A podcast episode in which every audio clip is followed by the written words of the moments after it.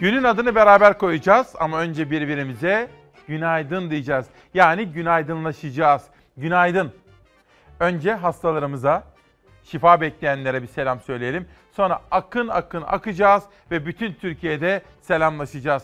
Önce günaydınlaşıyoruz. Günaydın. 10 Nisan 2020 günlerden Cuma İsmail Küçükkaya ile Sağlıklı Günlere Yolculukta Demokrasi Meydanı'na hoş geldiniz. Yine sakin ama kararlı, hızlı ama telaşsız, panik yapmadan ama ciddiye alarak. Çünkü koronavirüs zamanındayız. Bunun hayatımızda hiç düşünmediğimiz, aklımıza bile gelmeyecek kadar derin etkileri olduğunu biliyoruz. Bugün ben, ekip arkadaşlarım ve danışmanımın katkısıyla Fox Haber'in gücüyle sizlere koronavirüse ilişkin Türkiye ve dünyadan en sağlıklı bilgileri, en çarpıcı manşetleri, mesela ekonomiye dair bunun yansımalarını, başka gazete ve televizyonlarda sizlere söylenmeyen gerçekleri konuşmaya gayret edeceğiz. Yine konuklarım var. Hem bilim insanları buraya gelecek hem de Skype'la infaz sistemini konuşacağız. Bir, koronavirüs ilk haber yolculuğumuz. Hemen yanında infaz sistemi ve tartışmalar. Bizi bekleyen hangi manşetler var? 3. Ali Babacan'ın dün, dün buraya İsmail Küçükkaya ile Demokrasi Meydanı'na katıldığı zaman yapmış olduğu açıklamalar çok konuşuldu. Bir soru soracağım. Sizce Ali Babacan'la ilgili bugün kaç köşe yazısı yazılmıştır? 9 köşe yazısı okudum ben. Daha da belki de kaçırdıklarım vardır. Dolayısıyla bugün başkaca sürprizlerim de olacak. Hilal hazır mıyız? Güne başlayacağız. Ama çalışanın hakkı. Bugün ana gündem maddem çalışanın hakkı diyeceğim. Şimdi peki biz başka ne yapıyoruz? Güne birlikte başlıyoruz ya birbirimize güveniyoruz. Zor zamanlarda dayanışma içerisinde bu zorlukları aşacağız ya. Ama günün adını da beraber koyuyoruz. Bugün 10 Nisan. 10 Nisan Türkiye'de huzurumuzun, esenliğimizin hangi görüşe sahip olursak olalım, hangi inanca, hangi mezhebe sahip olursak olalım özgürce yayın, özgürce yaşama, özgürce düşünme ve ibadet etme veya etmeme. Her birinin garantisi nedir? Laiklik ilkesi. Nazan var olacağım gece bana mesaj attı. Bugün işte laiklik ilkesinin kuruluş yıl dönümü. Hilal önce bir görsel gelsin. Bugün 10 Nisan. Bakın bu vesileyle Cumhuriyetimizin kurucusu, büyük önderimiz Aziz Mustafa Kemal Atatürk'ü saygıyla selamlıyoruz. Türkiye'de inanç hürriyetinin, Türkiye'de ibadet hürriyetinin, Türkiye'de modern bir hayatın temel ilkelerinden başlıcası olan laikliğin anayasa zemininde kabulü 10 Nisan 1928. Dolayısıyla bugün bu konudaki özel haberlerim ve hazırlıklarım olacak. Bitmedi. 10 Nisan deyince bir de bizim güvenliğimiz için çalışan polislerimizi unutmadık, unutmayacağız. Türk Polis Teşkilatı bugün itibariyle doğum günü kutluyor ve tam 175 yaşına giriyor. Ama yalnızca kuru kuru alkışlamakla, kutlamakla yetinmeyeceğiz. 3600 ek gösterge olmak üzere başta çalışma koşullarına dair polis kardeşlerimizin beklentilerini de dile getireceğiz. Bitmedi. Bugün yine biz vefalı bir aileyiz. İsmail Küçükkaya ile Çalar Saat ailesi. Bugün Türkiye'mizin, Anadolu'muzun önemli müteşebbislerinden Sakıp Sabancı'nın aramızdan ayrılışının 16. yıl dönümü.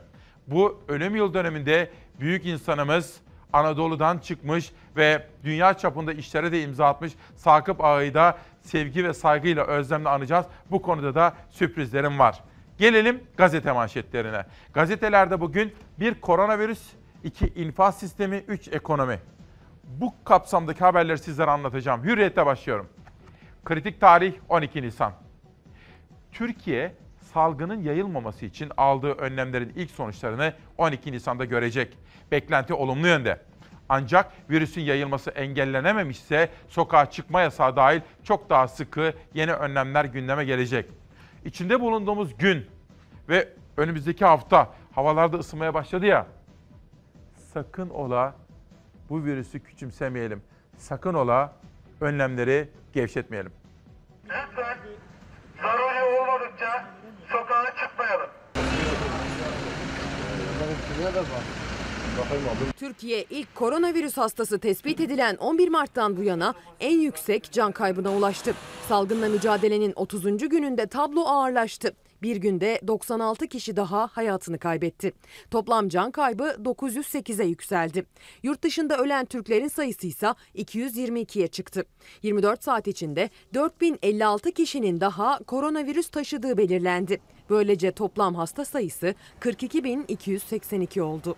Hastalarımızdan 296'sı daha şifa buldu. Taburcu olan toplam hasta sayımız 2142'ye ulaştı. Günlük 30 bin test hedefimize ulaşmak üzereyiz. Artan test sayımıza rağmen vaka artış hızı düşme eğiliminde. Virüs gücünü temas ortamından alıyor. Evde kalalım. Sağlık Bakanı Fahrettin Koca artan test sayısına rağmen hasta artış hızındaki düşme eğilimine dikkat çekti.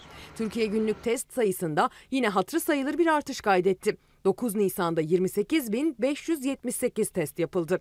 Toplam 42.282 koronavirüs hastasının 1552'si yoğun bakımda, 1017'si entübe yani solunum cihazına bağlı durumda. İyileşen hastaların arasına 296 kişi daha katıldı. Böylece bir ayda toplam 2142 hasta koronavirüsü yenerek sağlığına kavuştu. Toplam yapılan test sayısı ise 276.338'e ulaştı.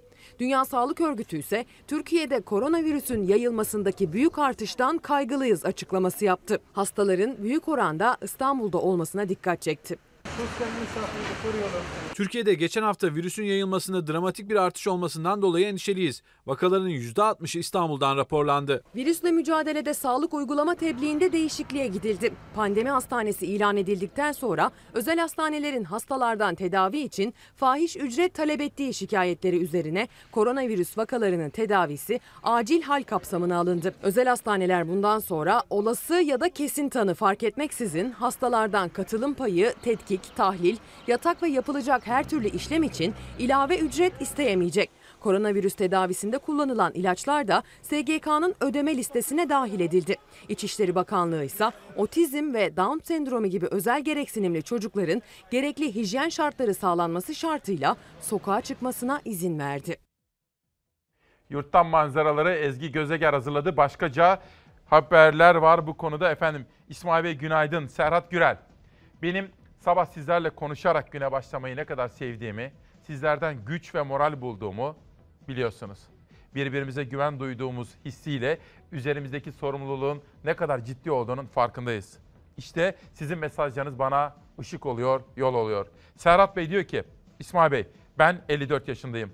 Evde kal Türkiye çağrılarına sizin çağrılarınıza uyuyorum. Ama maddi sıkıntılar başladı. Eşim emekli. Emeklisini verdi ama halen maaşı bağlanmadı. Koronaya takıldı herhalde. Buna çözüm getirsinler diyor bakın bir vatandaşımız. Peki gazete manşetlerinden hürriyetten sonra sözcüye geçiyorum. Çocuklarım aç, nasıl evde kalayım? Bu nasıl bir insanlık? Bu nasıl bir vicdan? Bu çağrıyı devletine, devlet anaya, devlet babaya dile getiren vatandaşımızın devlet adabı görmemiş bir bürokrattan karşı karşıya kaldığı muamele. Ama neyse ki o bürokrat görevden alındı. İlerleyen dakikalarda bu konudaki detayları sizlere anlatacağım. Şimdi değil. Şimdi bir haber daha gelsin bakalım sırada ne var? Maske karmaşası. Hem maskesiz çıkma diyorlar hem maske dağıtamıyorlar. Vatandaş mağdur. Markete, pazara gidecek maske bulamıyor.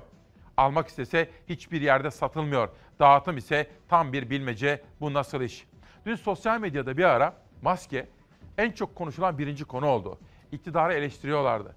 Bir maske ta- bir maske dağıtımını bile beceremiyorlar diye sosyal medyada en çok konuşulan konuların başında geliyordu maske. Bugün de bir bilim insanımız gelecek buraya.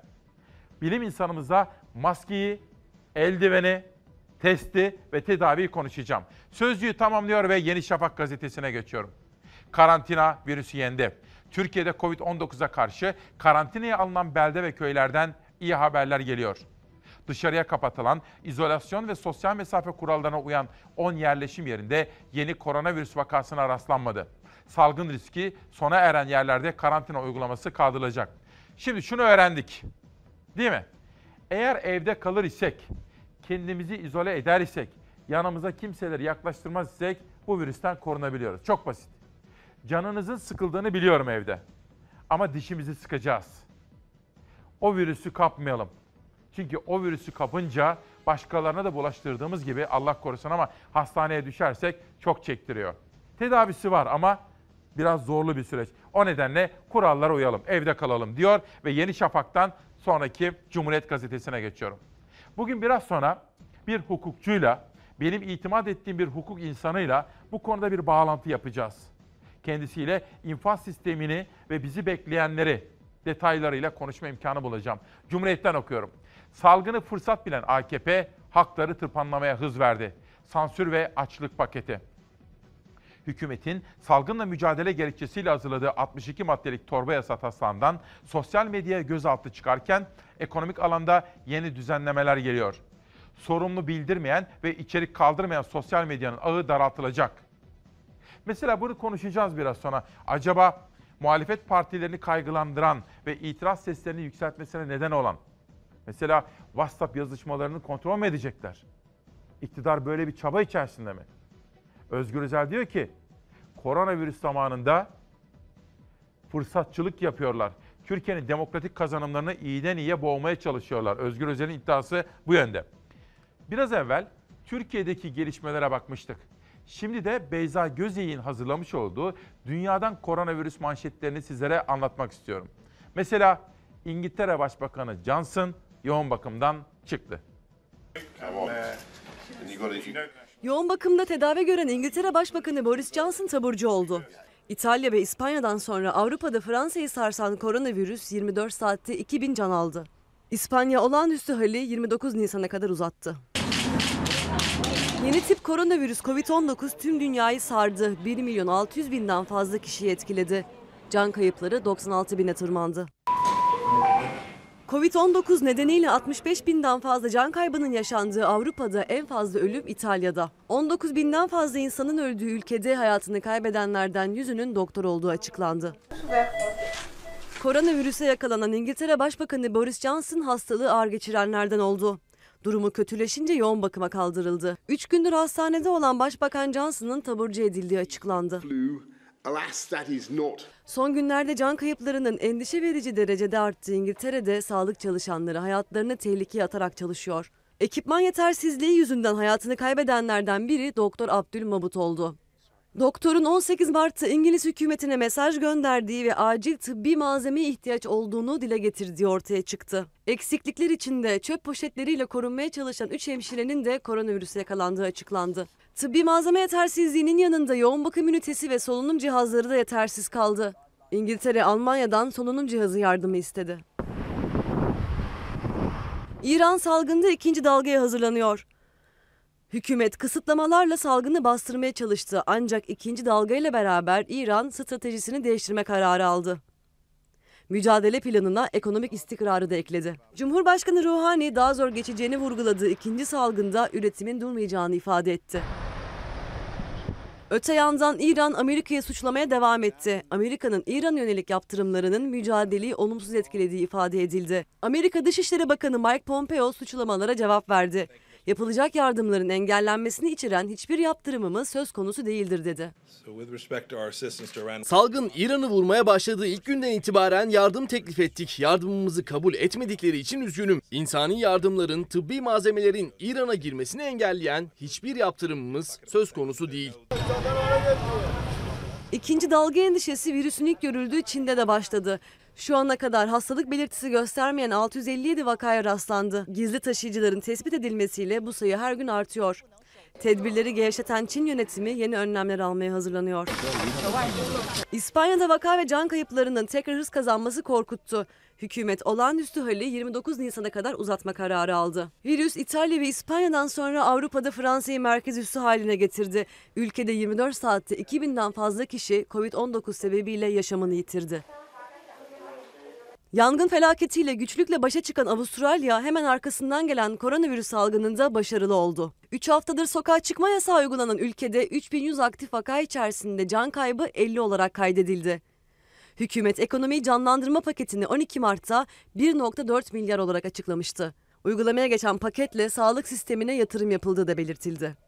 Peru'da ise mucize gibi bir olay gerçekleşti. Virüs testleri pozitif çıkan hamile iki kadın doğum yaptı. Bebeklerin test sonuçları negatif çıkarken sağlık durumlarının iyi olduğu açıklandı. İki annenin tedavisinin de sürdüğü belirtildi.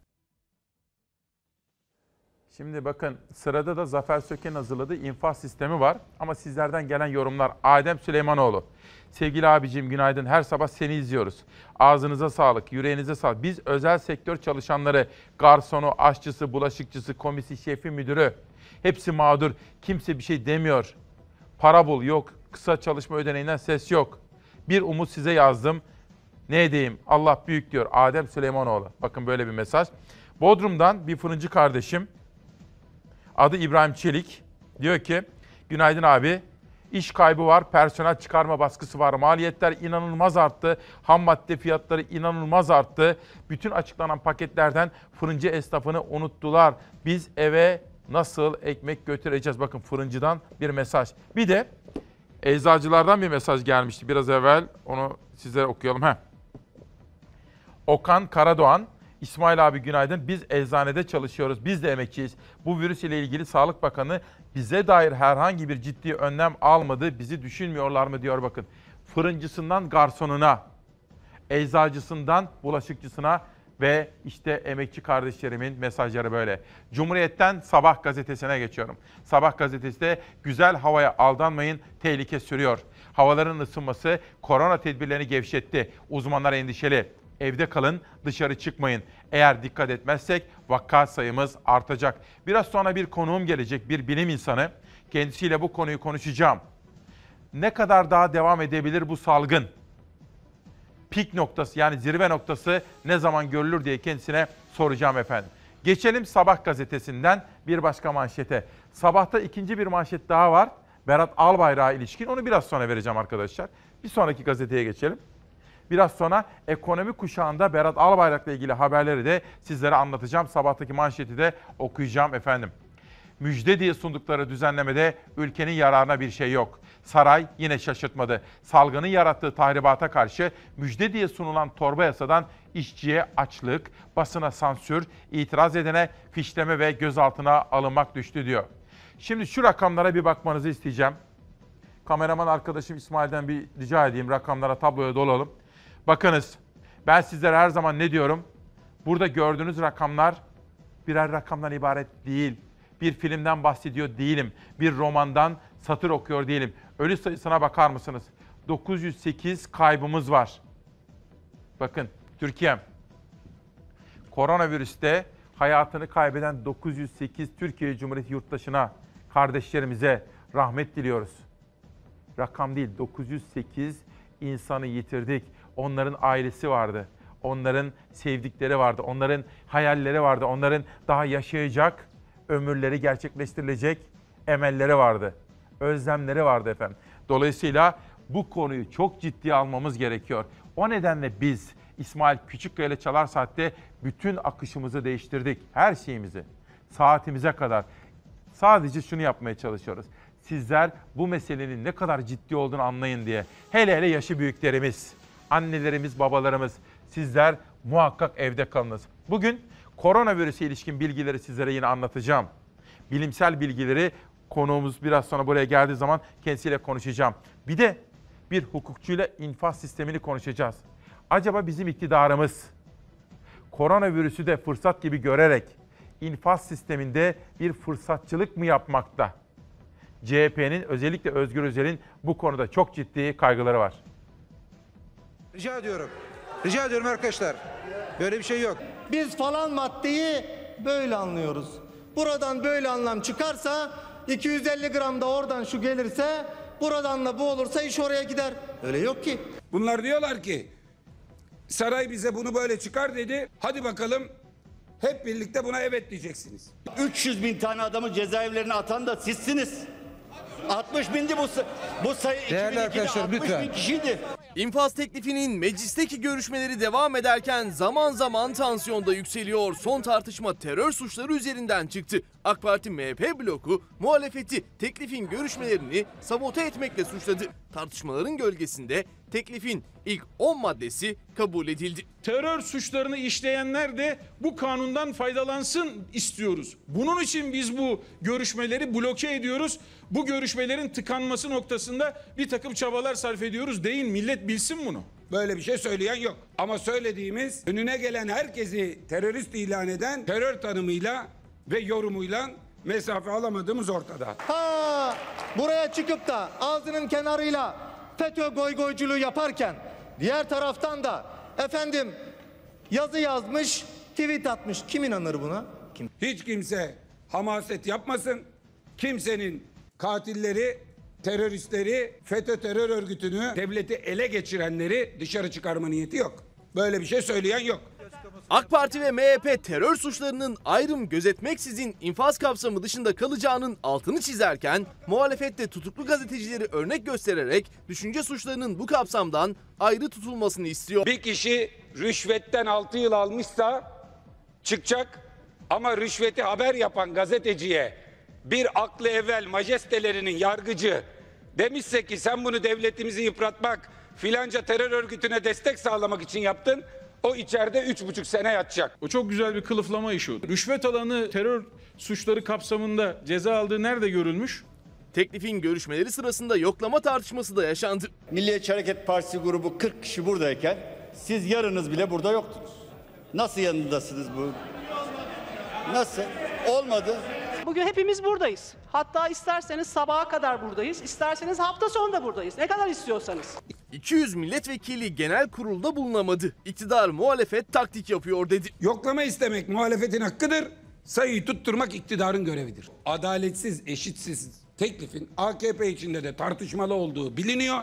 İnfaz görüşmeleri yüksek tansiyonlu devam ediyor. Zaman zaman sert tartışmaların da yaşandığı Meclis Genel Kurulu'nda teklifin ilk 10 maddesi kabul edildi. Paket bugün de görüşülmeye devam edecek. Şimdi Sinop'tan bir kahveci esnafı Kadir Bey yazmış. Diyor ki kahveyi kapattık. İki arkadaş evinde ben de evimdeyim. Peki ben nasıl geçineceğim? Bana biri bunu söylesin diyor efendim bakın. Kadir Bey'e Sinop'taki esnafımıza bir mesaj. Bir arkadaş İsmail Bey teşekkür ediyorum. Mahkumların umudu sizsiniz diyor efendim. Nihat Zümrüt, İsmail Bey günaydın. Ülkemizde olup da çalışan ve oturma izni biten yabancılar için hükümetimizin bir çözüm bulması gerekiyor diyor. O da öyle bir meseleden bahsediyor efendim. Karar Gazetesi adaleti Anayasa Mahkemesi'ne bırakmayın diyor. İnfaz düzenlemesinde son viraja girilirken adalet çağrıları arttı. Eşitsizliğe yol açan maddelere işaret eden hukukçular bu haliyle geçerse Anayasa Mahkemesi'nden döner dedi. Muhalefetten de gaspçı çıkacak, tweet atan kapsam dışı kalacak itirazları yükseldi. Adalet ilkesini zedeleyen maddelerin gözden geçirilerek toplumsal uzlaşının meclis aşamasında tesis edilmesinin gerekliliği öne çıktı. Mesela gazeteciler var tutuklu. Barış Beylivan, Barış Terkoğlu var, Murat Ağırel var. İsimlerini tek tek dile getiremediğim gazeteci arkadaşlar var. Siyasi tutuklular var. Kezban Atami adalet ilkesinin, eşitlik ilkesinin gözetilmesinin altını çiziyor. Biraz sonra İlkay Sezer'le bir konuşma yapacağız canlı yayında ve kendisi bir hukukçu gözüyle iki gündür didik didik ediyor. Bize tespit ettiği hususları anlatacak. Burada, evet. Geçelim bir sonraki manşete bakalım ne var. Dün İsmail Küçükkaya Demokrasi Meydanı'na Deva Partisi lideri Ali Babacan gelmişti. Bugün çok sayıda yazar gerek kendisini desteklemiş gerekse de eleştirmiş. Ama çok sayıda yazar. Mesela Sabah gazetesinde de iki ayrı yazar kendisinden bahsediyor. Gündem olmuş. Babacan'dan hükümete önlem çağrısı. Eldeki bütün cephane kullanılmalı. Deva Partisi Genel Başkanı Ali Babacan virüsle mücadele adımlarını değerlendirdi. Türkiye'de 9 milyon kayıt dışı çalışan var. Destek paketlerinde veya kısa çalışma ödeneğinde bu kesim yer almıyor ve hiçbir destekten faydalanamıyorlar. Evine ekmek götüremeyen kişiye nasıl evinde kal diyebiliriz? 55 milyon vatandaşımızın devletten geliri yok. Öncelikle bu 55 milyon için tedbir alınmalı. Devletin kaynak yaratmak için seçenekleri var diyor Ali Babacan. Eldeki tüm cephane acilen kullanılmalı. Bir günlük gecikmenin bile ileride zararı çok daha büyük olur. Bir ay önce dünya merkez bankaları dayanışma mekanizmalarını kurdu. Ancak bizim iletişim sorunumuz var. Bağlantıya geçemedik ve oyunun dışında kaldık diyor dün yaptığı açıklamalarda. Biraz evvel haberlerde yardımcı olan arkadaşlarım tek tek söylemeye başlamıştım.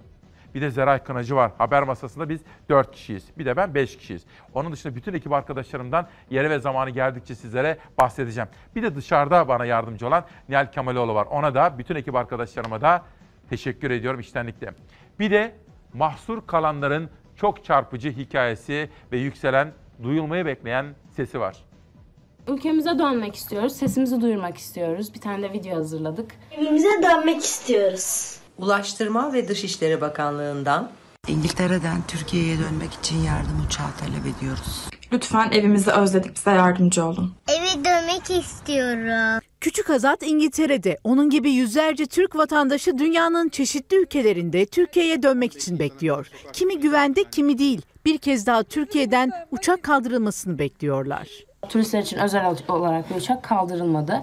Türk Hava Yolları'nın e, düzenlediği ek seferler de e, konsolosluk bilgisi dahilinde yapılmadığı için ne yazık ki konsolosluktan bize bir haber gelmedi. Sonra Moskova ve Belarus üstünden dönelim aktarmalı dedik. O biletlerimiz de e, birer, tam birer gün kala iptal oldu. 22 yaşındaki üniversite öğrencisi Yağmur Şenol annesiyle birlikte Londra'daki ablasını ziyarete gitti. Türkiye'de koronavirüs salgını başlayınca dönmek için harekete geçtiler ama uçakları iptal oldu. Türkiye Erasmus öğrencileri için uçak kaldırdı ancak turist vizelileri almadı. Ek seferlerden de birçok Türk'ün haberi olmadı. Buradaki e, sağlık sistemi e, turistleri kapsamadığı için biraz tedirginiz açıkçası. Başımıza bir şey gelse ya da sokağa çıkma yasağı ilan edilse biz ne yapacağız yarın öbür gün diye. İngiltere'de kalan her birinin farklı bir hikayesi olan Türkler, yurt dışında kalan pek çok Türk gibi üzgün ve tedirginler. Haber beklemekten hem maddi hem manevi çok yorulduk. Biz ülkemize dönmek istiyoruz. Seda Yavaş da Hindistan'da mahsur kalmış ağlayarak yardım istemişti. Türkiye'den bizi kurtarmak için bir uçağın gelmesini bekliyoruz. Sokaklarda kaldıktan sonra bir Hintlinin evine sığınan Seda Yavaş'tan umutlandıran iyi bir haber var. Seda Yavaş güvenli bir bölgeye alındı. Güvenli ve temiz bir yere alındım. Bu geçişi sağlayan benim e, Türkiye'den arkadaşlarım. Hatta e, sosyal medya üzerinden hiç tanımadığım insanların büyük desteğiyle oldu bu. Bu sabahki etiketimiz çalışanın hakkı dedik efendim. Biraz evvel fırıncılardan, kahvecilerden bahsetmiştik. Esnaf kardeşim Burçin Cava. Esnaf ne kadar dertli. Bakın Burçin Hanım da bir kuaför. Dükkan kapalı evdeyiz. Ne yapacağız? İnanın kara kara düşünüyoruz ama bir çıkar yol bulamıyoruz. Bakın fırıncısından başlayarak kuaförüne kadar. Esnaf kardeşim, küçük esnaf. En önemlisi onlar. Dertli. Pencere gazetesine sıra geldi. Biz ihaleye de yeteriz. Cumhurbaşkanlığı İletişim Başkanlığı 14 yeni makam aracı için ihale ilanı verdi. Otomobillerden birisinde buzdolabı, siyah perde ve siyah cam şart. Yavuz Ohan'ın yönettiği Pencere gazetesinin birinci sayfa manşetini okuyorum. Türkiye koronavirüsün yarattığı ekonomik tahribat ile baş etmeye çalışırken Cumhurbaşkanlığı İletişim Başkanlığı makam arabası ihalesine çıktı. İhale ilanında araçların özellikleri sayıldı. En fazla 1 yaşında ve sürücülü olacağı şartı yer aldı. İlana çıkan ihale 7 Mayıs'ta yapılacak. Dün Ali Babacan buradaki canlı yayınımızda ne diyordu? Kaynağımız var. Kaynakları kullanmak için doğru gün bugün. Bakın dışarıya, devlete bakın, israf var diyordu Deva Partisi lideri Babacan. Siz de böyle düşünüyor musunuz? Devlet, devletimizi yönetenler israf ediyorlar mı yoksa tasarruflular mı? Bu konudaki duygu ve düşüncelerinizi yazarsanız sevinirim. Gelsin Çalar Saat gazetesi. Pardon, pardon, pardon. Bir detay daha vardı. Arkadaşlarım bu konuyu haberleştirecekler. Özellikle istedim. Çünkü dayanışma içinde olmamız gereken, gücümüzü birlikte değerlendirmemiz gereken bir zor zamandayız. Ama acaba ne yapılıyor? Belediye tencerede kaynatamayacak. CHP'li belediyelerin aşevlerine ilişkin yardım hesapları da bloke edildi. Antalya Muratpaşa Belediye Başkanı karara tepki gösterdi. Antalya Muratpaşa, Eskişehir Odunpazarı, Eskişehir Büyükşehir İçişleri Bakanlığı bir karar vermiş. Belediyelerin aşevlerindeki paralara bile el koymuşlar. Bu nasıl bir mantıktır, bu nasıl bir yaklaşımdır anlamak mümkün değil. Anlamak mümkün değil. Gelsin Çalarsat gazetesi. Bugün Çalarsat gazetesini Tuğba Özdavul'la birlikte çizdik. Bakın manşet. Bu da nereden çıktı? Biz koronavirüste mücadele kapsamında infaz sisteminde Türkiye'nin rahatlamasını beklerken, birlik ve beraberliğe fayda sağlamasını beklerken neler neler çıktı. Özgür Özel CHP adına tepkisini şöyle dile getiriyor. Biz diyoruz ki rüşvet alan çıkacak. Ama rüşvete dair haberi yapan gazeteci içeride kalacak. Böyle bir iddiası var. Ahmet Davutoğlu, Gelecek Partisi lideri, infaz yasasıyla rüşvet, zimmet, irtikap affediliyor. Kamu vicdanını rahatsız edenler dışarı çıkacak, fikrini söyleyenler içeride kalacak. Bunun izahı yok, diyor. Yıldıray Oğur, Ahmet Taş getiren ve Elif Çakır'ın sorularını yanıtladı. Buradan da sizlere manşetler seçtik. Biraz sonra detaylı olarak aktaracağım. İlkay Sezer'de bağlantımızda olacak. Bir de Ahmet Hakan da Hürriyet Gazetesi'nin genel yönetmeni dün İsmail Küçükkaya ile Çalar Saat'e çıkan Ali Babacan'a ilişkin bir yazı yazmış. Biraz sonra o konuda küçük bir açıklama yapacağım. Ama önce meydana gelen gelişmelerin siyasetteki yansımaları özellikle işçi çıkarma yasaklanıyor. Hepimiz sevinmiştik emekçi için. Ama hiç beklemediğimiz, aklımızın ucuna bile gelmeyen çalışanların haklarına dair bir risk, bir sıkıntı ortaya çıktı. Bu işçilere ödüyorsunuz kaç lira? 1177 lira. Yani açlık sınırının altında. Önemli mi? Elbette yine önemli. Onun da altını özenle çizeyim ama bu ödeme o kişiyi ve ailesini mutlu etmeyecektir. Patronlar diyebilecek ki ben tamam seni işten çıkartmıyorum ama ücretsiz izne çıkarıyorum. İşten çıkarma yasağını müjde olarak verdi ama bir bakıyorsunuz diyor ki 39 TL ben ödeme yapacağım. En azından bunun %40'ını, %50'sini işverene yüklemek de faydalı olur diye düşünüyorum. Bu sayede en azından o işten çıkarılmalar minimuma iner. İşçinin virüs salgını sürecinde işten atılmasını engellemek, işini güvence altına almak için hazırlanan taslaktaki 3 ay işten çıkarma yasağına muhalefet destek çıktı ama ücretsiz izinde işçiye verilecek maddi desteğin miktarı da işvereni bağlayacak bir maddenin olmaması da eleştiri konusu. Bu ödemeler kayıtlı çalışan işçilere yapılacak olan ödemeler. Milyonlarca kişi kayıt dışı çalıştı ve şu anda onlar da evlerindeler. Sokaktaki simitçi ne olacak? Yoksulluk listesinde olmayan hiç kimseye herhangi bir parada ödenmiyor. Bu tür düzenlemeler çok dikkatli yapılmalı. Yani bu tür düzenlemeler kısa vadede işsizlik sorununu engelliyor gibi görünse de orta uzun vadede kayıtlı çalışmayı bozar mı? Sayın Cumhurbaşkanımız hususen işten çıkarmalara Mart 15 itibariyle bir maniye bir engel koydu. Sarayın hazırladığı metni saraydan alıp meclise vermeye. Kanun teklifi sadece milletvekilleri tarafından verilecekti. Bakanlar Kurulu kanun tasarısı veremeyecekti. Demek ki rejim çöktü. Cumhurbaşkanımızın düşüncesini hayata geçirmenin yolu neyse o yapılacak. Milletvekilini kargo şirketinin elemanlarına kuryeye dönüştürüyor. CHP'li Özgür Özel saray taslağı diyerek eleştirdi. Gözler milyonları ilgilendiren taslağın detayları için Aile, Çalışma ve Sosyal Hizmetler Bakanı'ndaydı. TRT'de canlı yayına çıktı Zehra Zümrüt Selçuk. Ama taslak ne soruldu ne de bakan bir cümle kurdu. Kısa çalışma ödeneğine başvuralım ve istihdamı koruyalım diyorum. Önümüze gelmeden değerlendirme yapmamız doğru olmaz. Devlet günlük belli bir ödeme yapacak. Bunlar olabilir. Fakat ben burada yasaklama kelimesine biraz takıldım açıkçası. Otoriter rejimlerin güç egzersizi yaptığını görüyoruz. Kanun taslağı hazırlamış WhatsApp gibi özel sohbetin denetimini, izlenmesini cezalandırmaya varacak bir süreci başlatan düzenlemeler ekliyor. Akıl alır gibi değil. Ekonomiye ilişkin koronavirüs önlemlerinin yanı sıra hazırlanan taslakta sanal ortamda yapılan paylaşımlarla ilgili sosyal ağ sağlayıcılarını da sorumlu tutacak düzenlemeler var. Özgür Özel özel sohbete müdahale iddiasında. Birbirleriyle yaptıkları WhatsApp sohbetini de denetleyeyim. Evde kalıyorlar, yetmez. Bir başlarına kalsınlar, kimseyle iletişim de kurmasınlar. İstanbul'dan Osman Bey'de küçük esnaf bana detaylar yollamış, fotoğraflar yollamış. İnan evladım kara kara düşünüyoruz.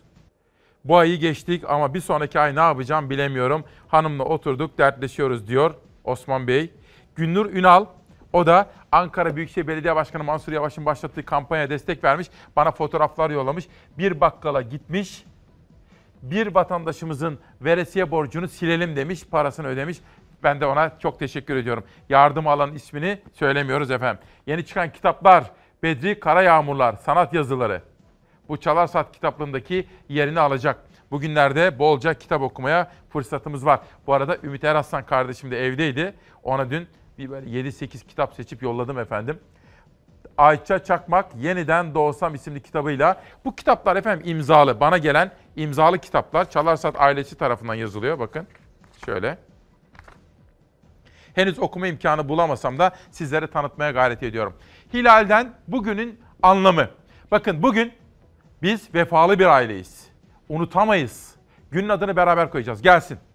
Nazan Moral hocam her zamanki gibi bana gece mesaj atmış. Çok teşekkür ediyorum duyarlılığına.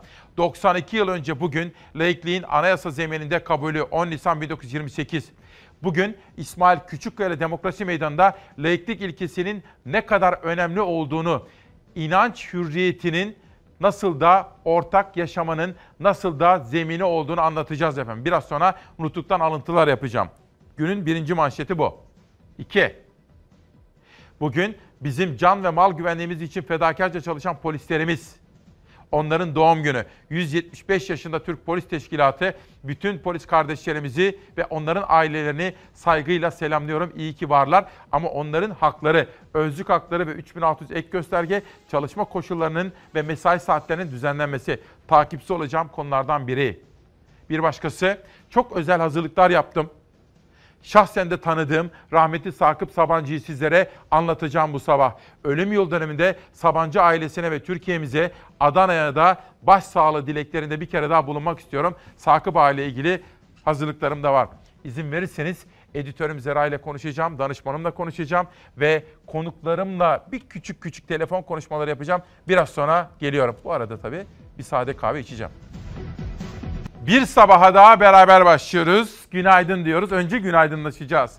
Uyandığımız zaman önce en yakınımızdaki, sonra uzakta bile olsa sevdiğimiz, güven duyduğumuz insanlarla veya sokağa çıkmıyoruz tabii artık.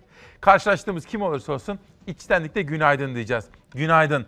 10 Nisan 2020 İsmail Küçükkaya ile Demokrasi Meydanı'nda sağlıklı günlerdesiniz efendim. Başka yerlerde göremediğiniz, göremeyeceğiniz haberlerle devam edeceğiz.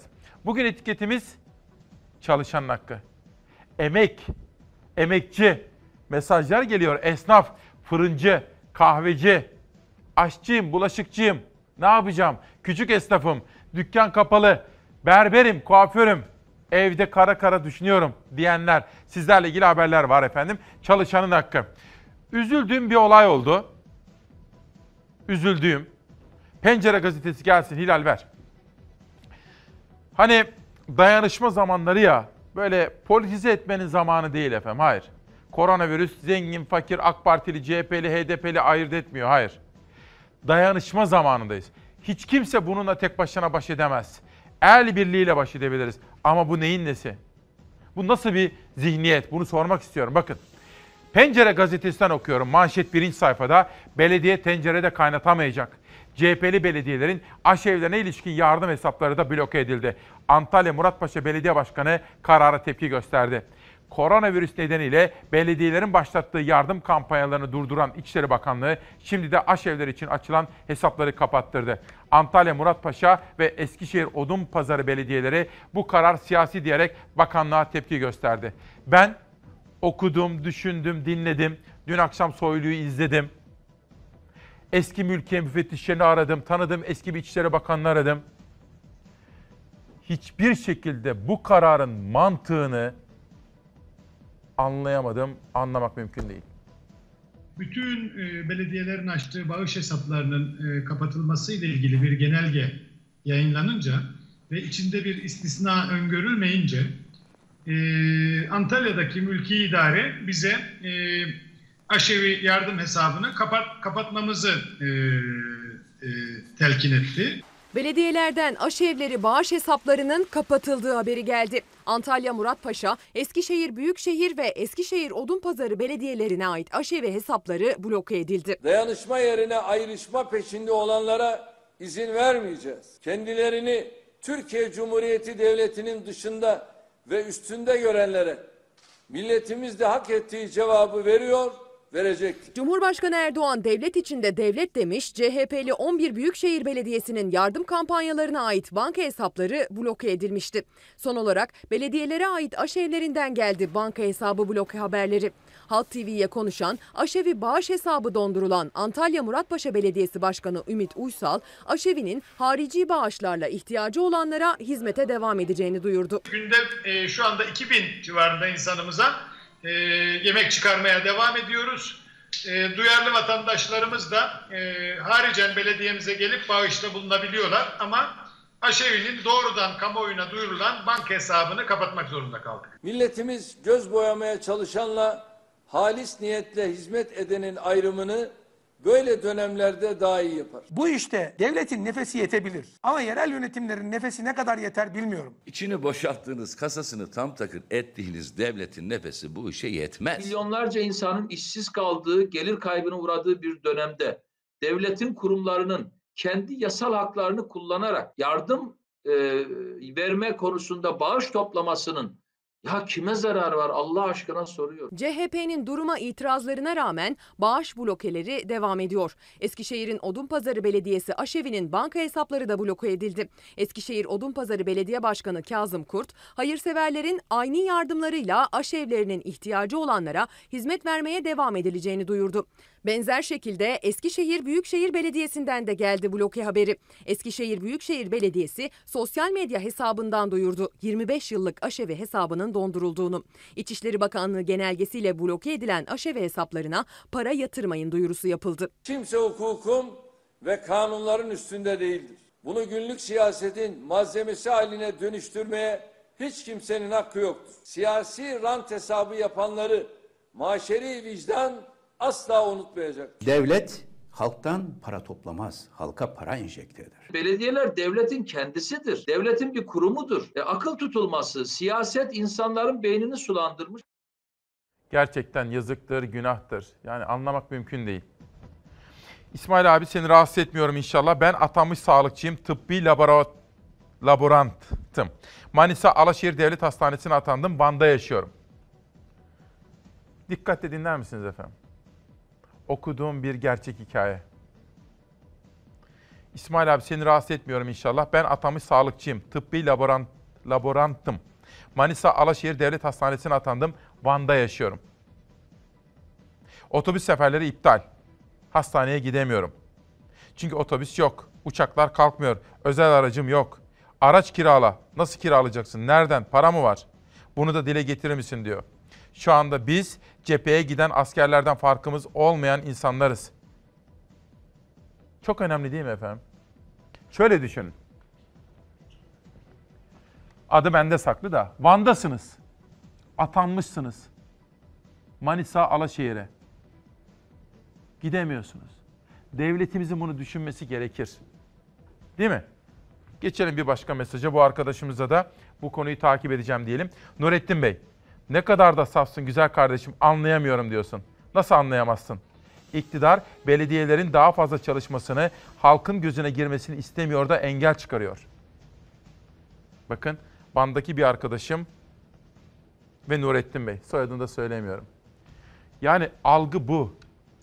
Merkezi yönetimin halka hizmet götürmeye çalışan belediyelerin bağış kampanyalarını, aşevlerini, oradaki hesapları bloke ederek belediyeleri iş yapamaz hale getirmeye düşündüğünü belirtiyor izleyen Nurettin Bey. Hürriyetle devam ediyorum. Bu arada infaz sistemine ilişkin bugün de özel yayınlarım var. İlkay Sezer bir hukukçu didik didik etti. Dün kendisiyle konuştum. Üç kere dört kere konuştum. Ve infaz sistemine ilişkin bizleri bilgilendirecek biraz sonra. Cerrahpaşa'da 24 saat. Cerrahpaşa acil servisine girdik. Sağlık çalışanlarının inanılmaz mesaisine tanıklık ettik. Yorgun ve kaygılılar ancak yine de hürriyet objektifine gülümsediler. Sağlık çalışanları burada cephede en ön safta savaşmaktalar efendim. Onlara teşekkür ediyoruz. Geçiyorum hürriyetten sonra bir başka manşete, pencere. Korona hastalarını takip başladı. Koronavirüs salgının azaltılması ve hastaların izolasyonu için pandemi izolasyon takip projesi hayata geçti. Lütfen konuştuğum bütün uzmanlar evden çıkmamamız gerektiğini, eğer zorunlu ise ve dışarıya çıkar isek sosyal mesafeye dikkat etmemiz gerektiğini söylüyorlar. Nisan ayı bu salgınla mücadelede en kritik, en önemli zaman dilimi. Lütfen uyarıları dikkate alalım. Canınızın sıkıldığını biliyorum evde ama dişimizi sıkacağız. Diyor ve sonraki manşete geçiyorum. Bakalım ne var. Soylu 140 bin kişi karantinada. Dün akşam Star'da canlı yayına çıktı. Oradaki açıklamaları oldu Nazlı Çelik'e. Biraz sonra sizlere kendisinden bazı manşetleri aktarma imkanı bulacağım. Pencereyi tamamlıyor ve sonraki gazetemize geçiyorum. Türkiye Gazetesi. Anadolu'da azalıyor. Büyük şehirlere izolasyon olumlu sonuçlar bekleniyor diyor Yücel Kayaoğlu. Özellikle büyük şehirler izole edilince, büyük şehirlerden Anadolu'ya doğru yolcu transferi olmayınca Anadolu'da bu işin yayılması durmuş denilmekte. En azından artış hızı yavaşlamış diyor gazete. Geçelim Türkiye'den Bir Gün gazetesinin manşetine. AKP torbasından açlık ve baskı çıktı. O ilk turda vardı. Şimdi burada bir başka manşet. Emekçiler bilerek tehlikeye atılıyor.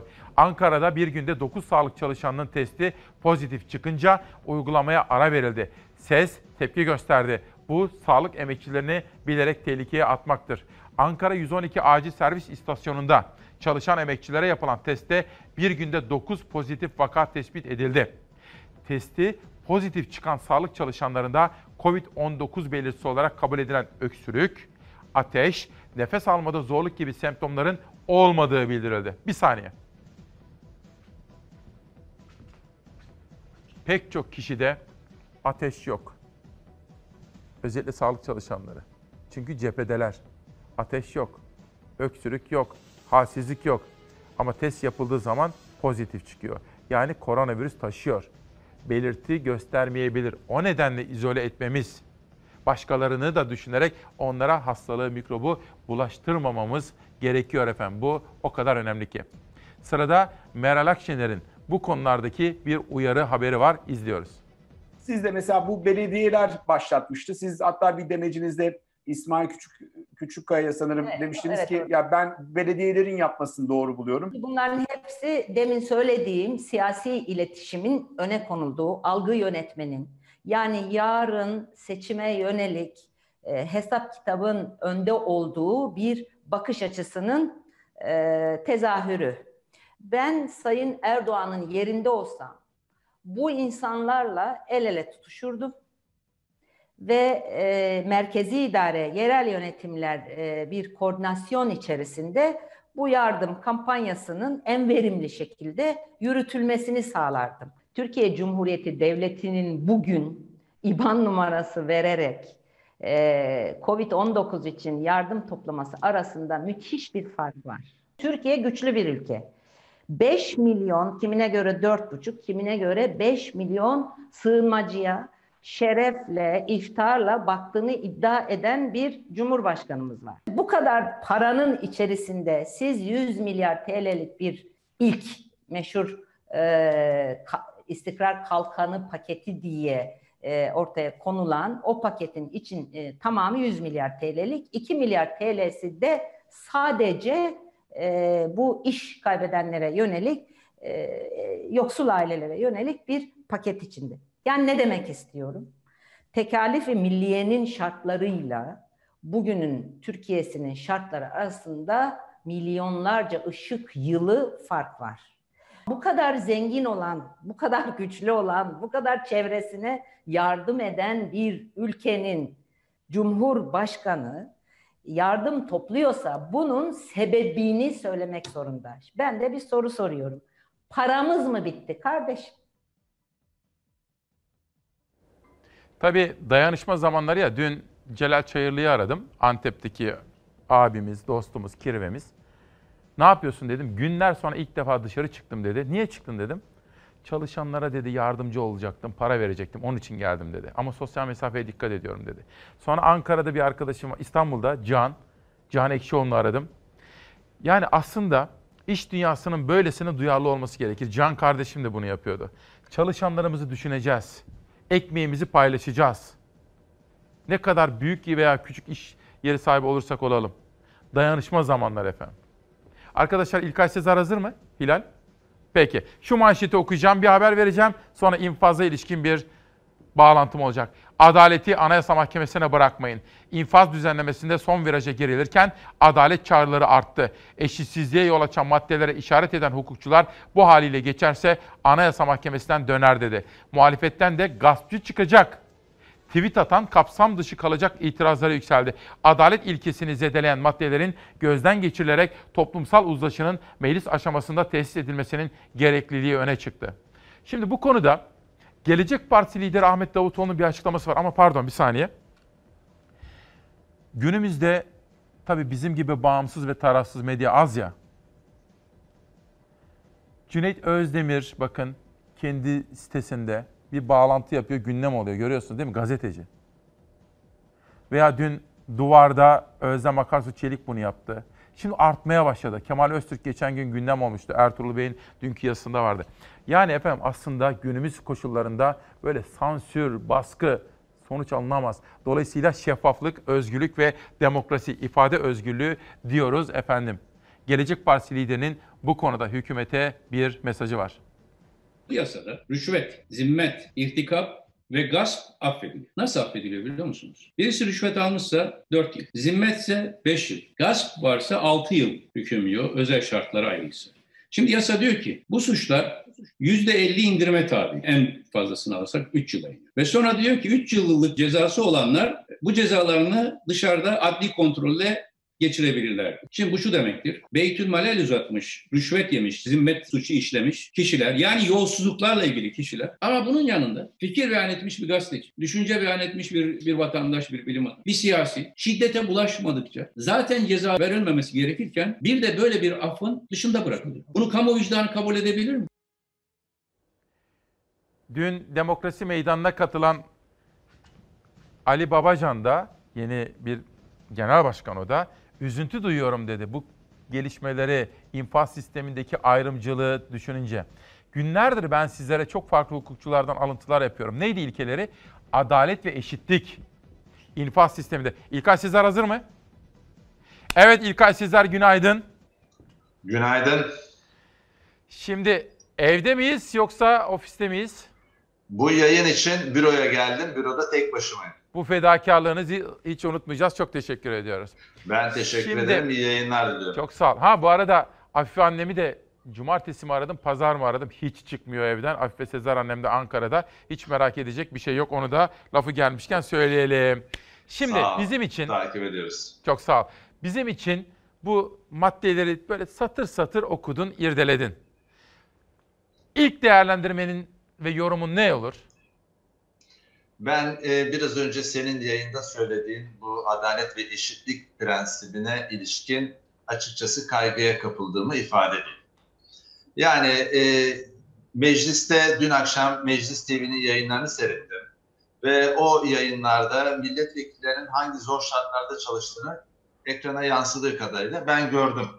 Şimdi e, yüzünde maskeyle çalışan milletvekillerinin önüne e, komisyonda sadece 18 saat çalışılarak, üzerinde sadece 18 saat çalışılarak kalıcı değişiklikler de içeren 70 maddeden ibaret ve yaklaşık 9 madde, kanunda ciddi değişiklik yapan, en önemlisi de infaz kanunu olmak üzere değişiklik yapan bir torba yasa var önümüzde.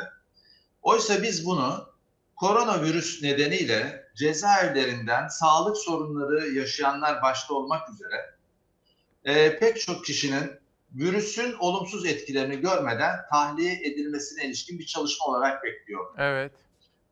Ama gelen e, çalışma infaz kanununda yaklaşık 37 maddeyi değiştirmeye yönelik kalıcı düzenlemeler ve bugüne kadar e, pek çok kanunda e, verilen cezalarla ilgili e, 3'te 2 olan infaz oranını 1 bölü 2'ye indiren ve mesela bir kanunun bir maddesinin bir bendinde sadece 3'te 2 var.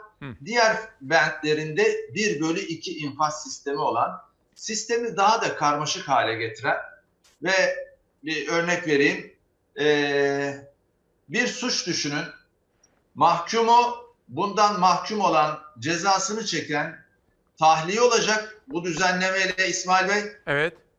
Ama henüz iddianamesi yazılmamış, yargılamaya devam eden ya da cezaevinde tutuklu olan kişi tahliye edilmeyecek. Yani bu derece e, eşitsiz, adaletsiz, orantısız bir düzenleme e, yapılmak isteniyor. E, bunu üzüntüyle karşıladığımı söyleyeyim.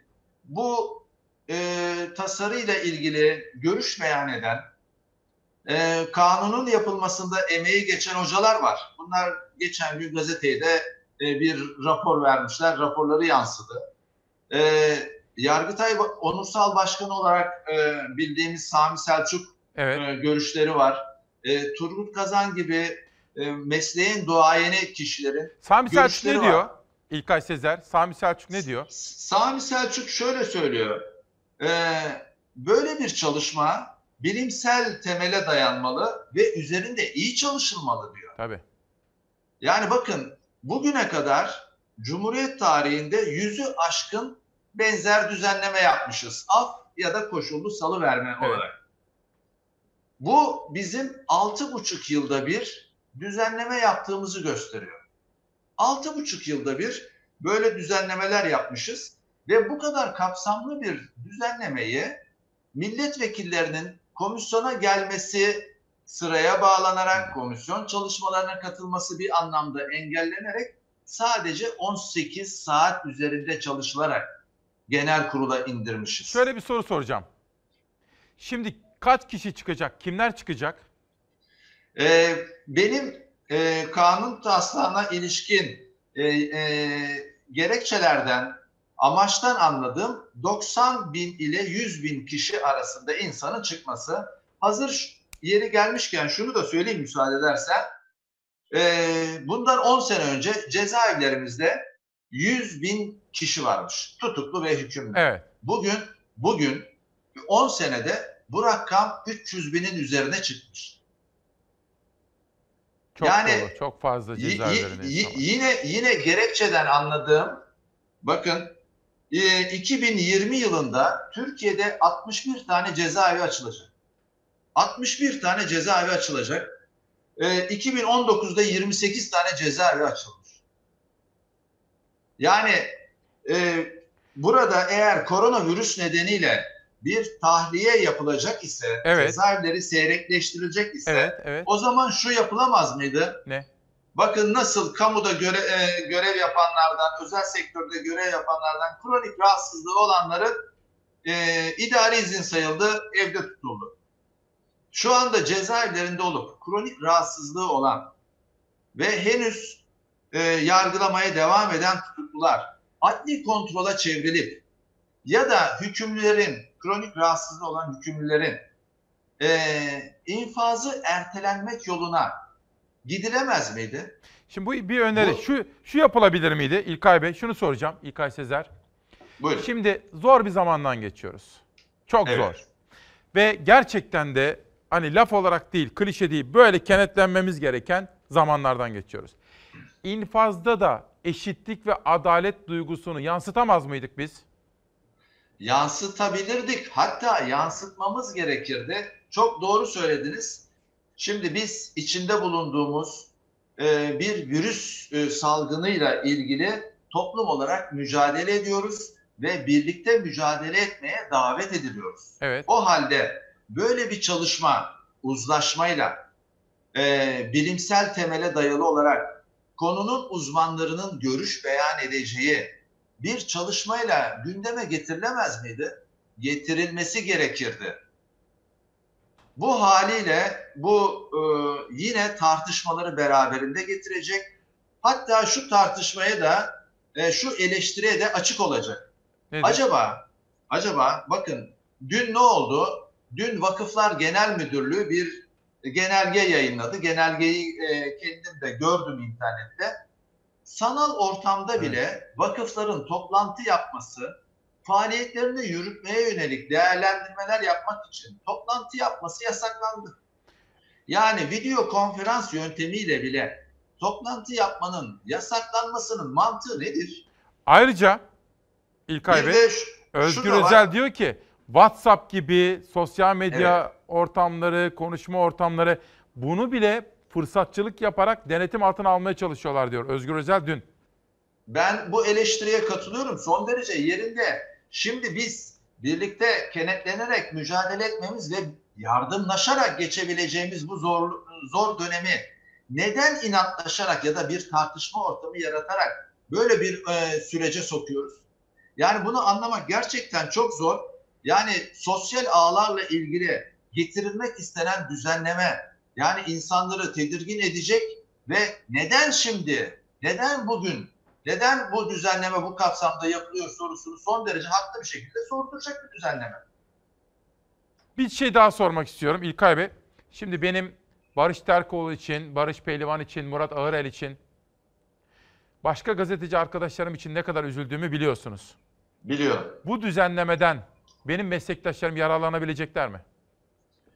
Biraz önceki örneğe geri dönelim. Eğer Barışlar, Murat Ağrel mahkum olsaydı bu düzenlemeden yararlanabileceklerdi ama mahkum olmadıkları için bu düzenlemeden yararlanamayacaklar. Ama Yani olur mu böyle bir şey? kişilerin, Olur mu? Yani bu kişi bu kişilerin beraat etmesi mümkün. Bu kişilerin beraat etmesinin mümkün olduğu bir ortamda onları tutuklu tutmak ama bununla beraber aynı suçtan mahkum olmuş olan kişiyi bugün tahliye etmenin mantığı ne olabilir yani? Şu eleştiri bakın get- getiriliyor ve haklı bir eleştiri. Acaba Evet. Başka bir amacı mı var bu düzenlemenin cezaevlerinde acaba yarın işte bu vakıfların toplantılarının yasaklandığı gibi sosyal ağlarla ilgili düzenlemelerin yapıldığı gibi yer açılıp da acaba başka bir amaca hizmet etmek o cezaevleri başka bir şeye hazırlık için mi kullanılacak?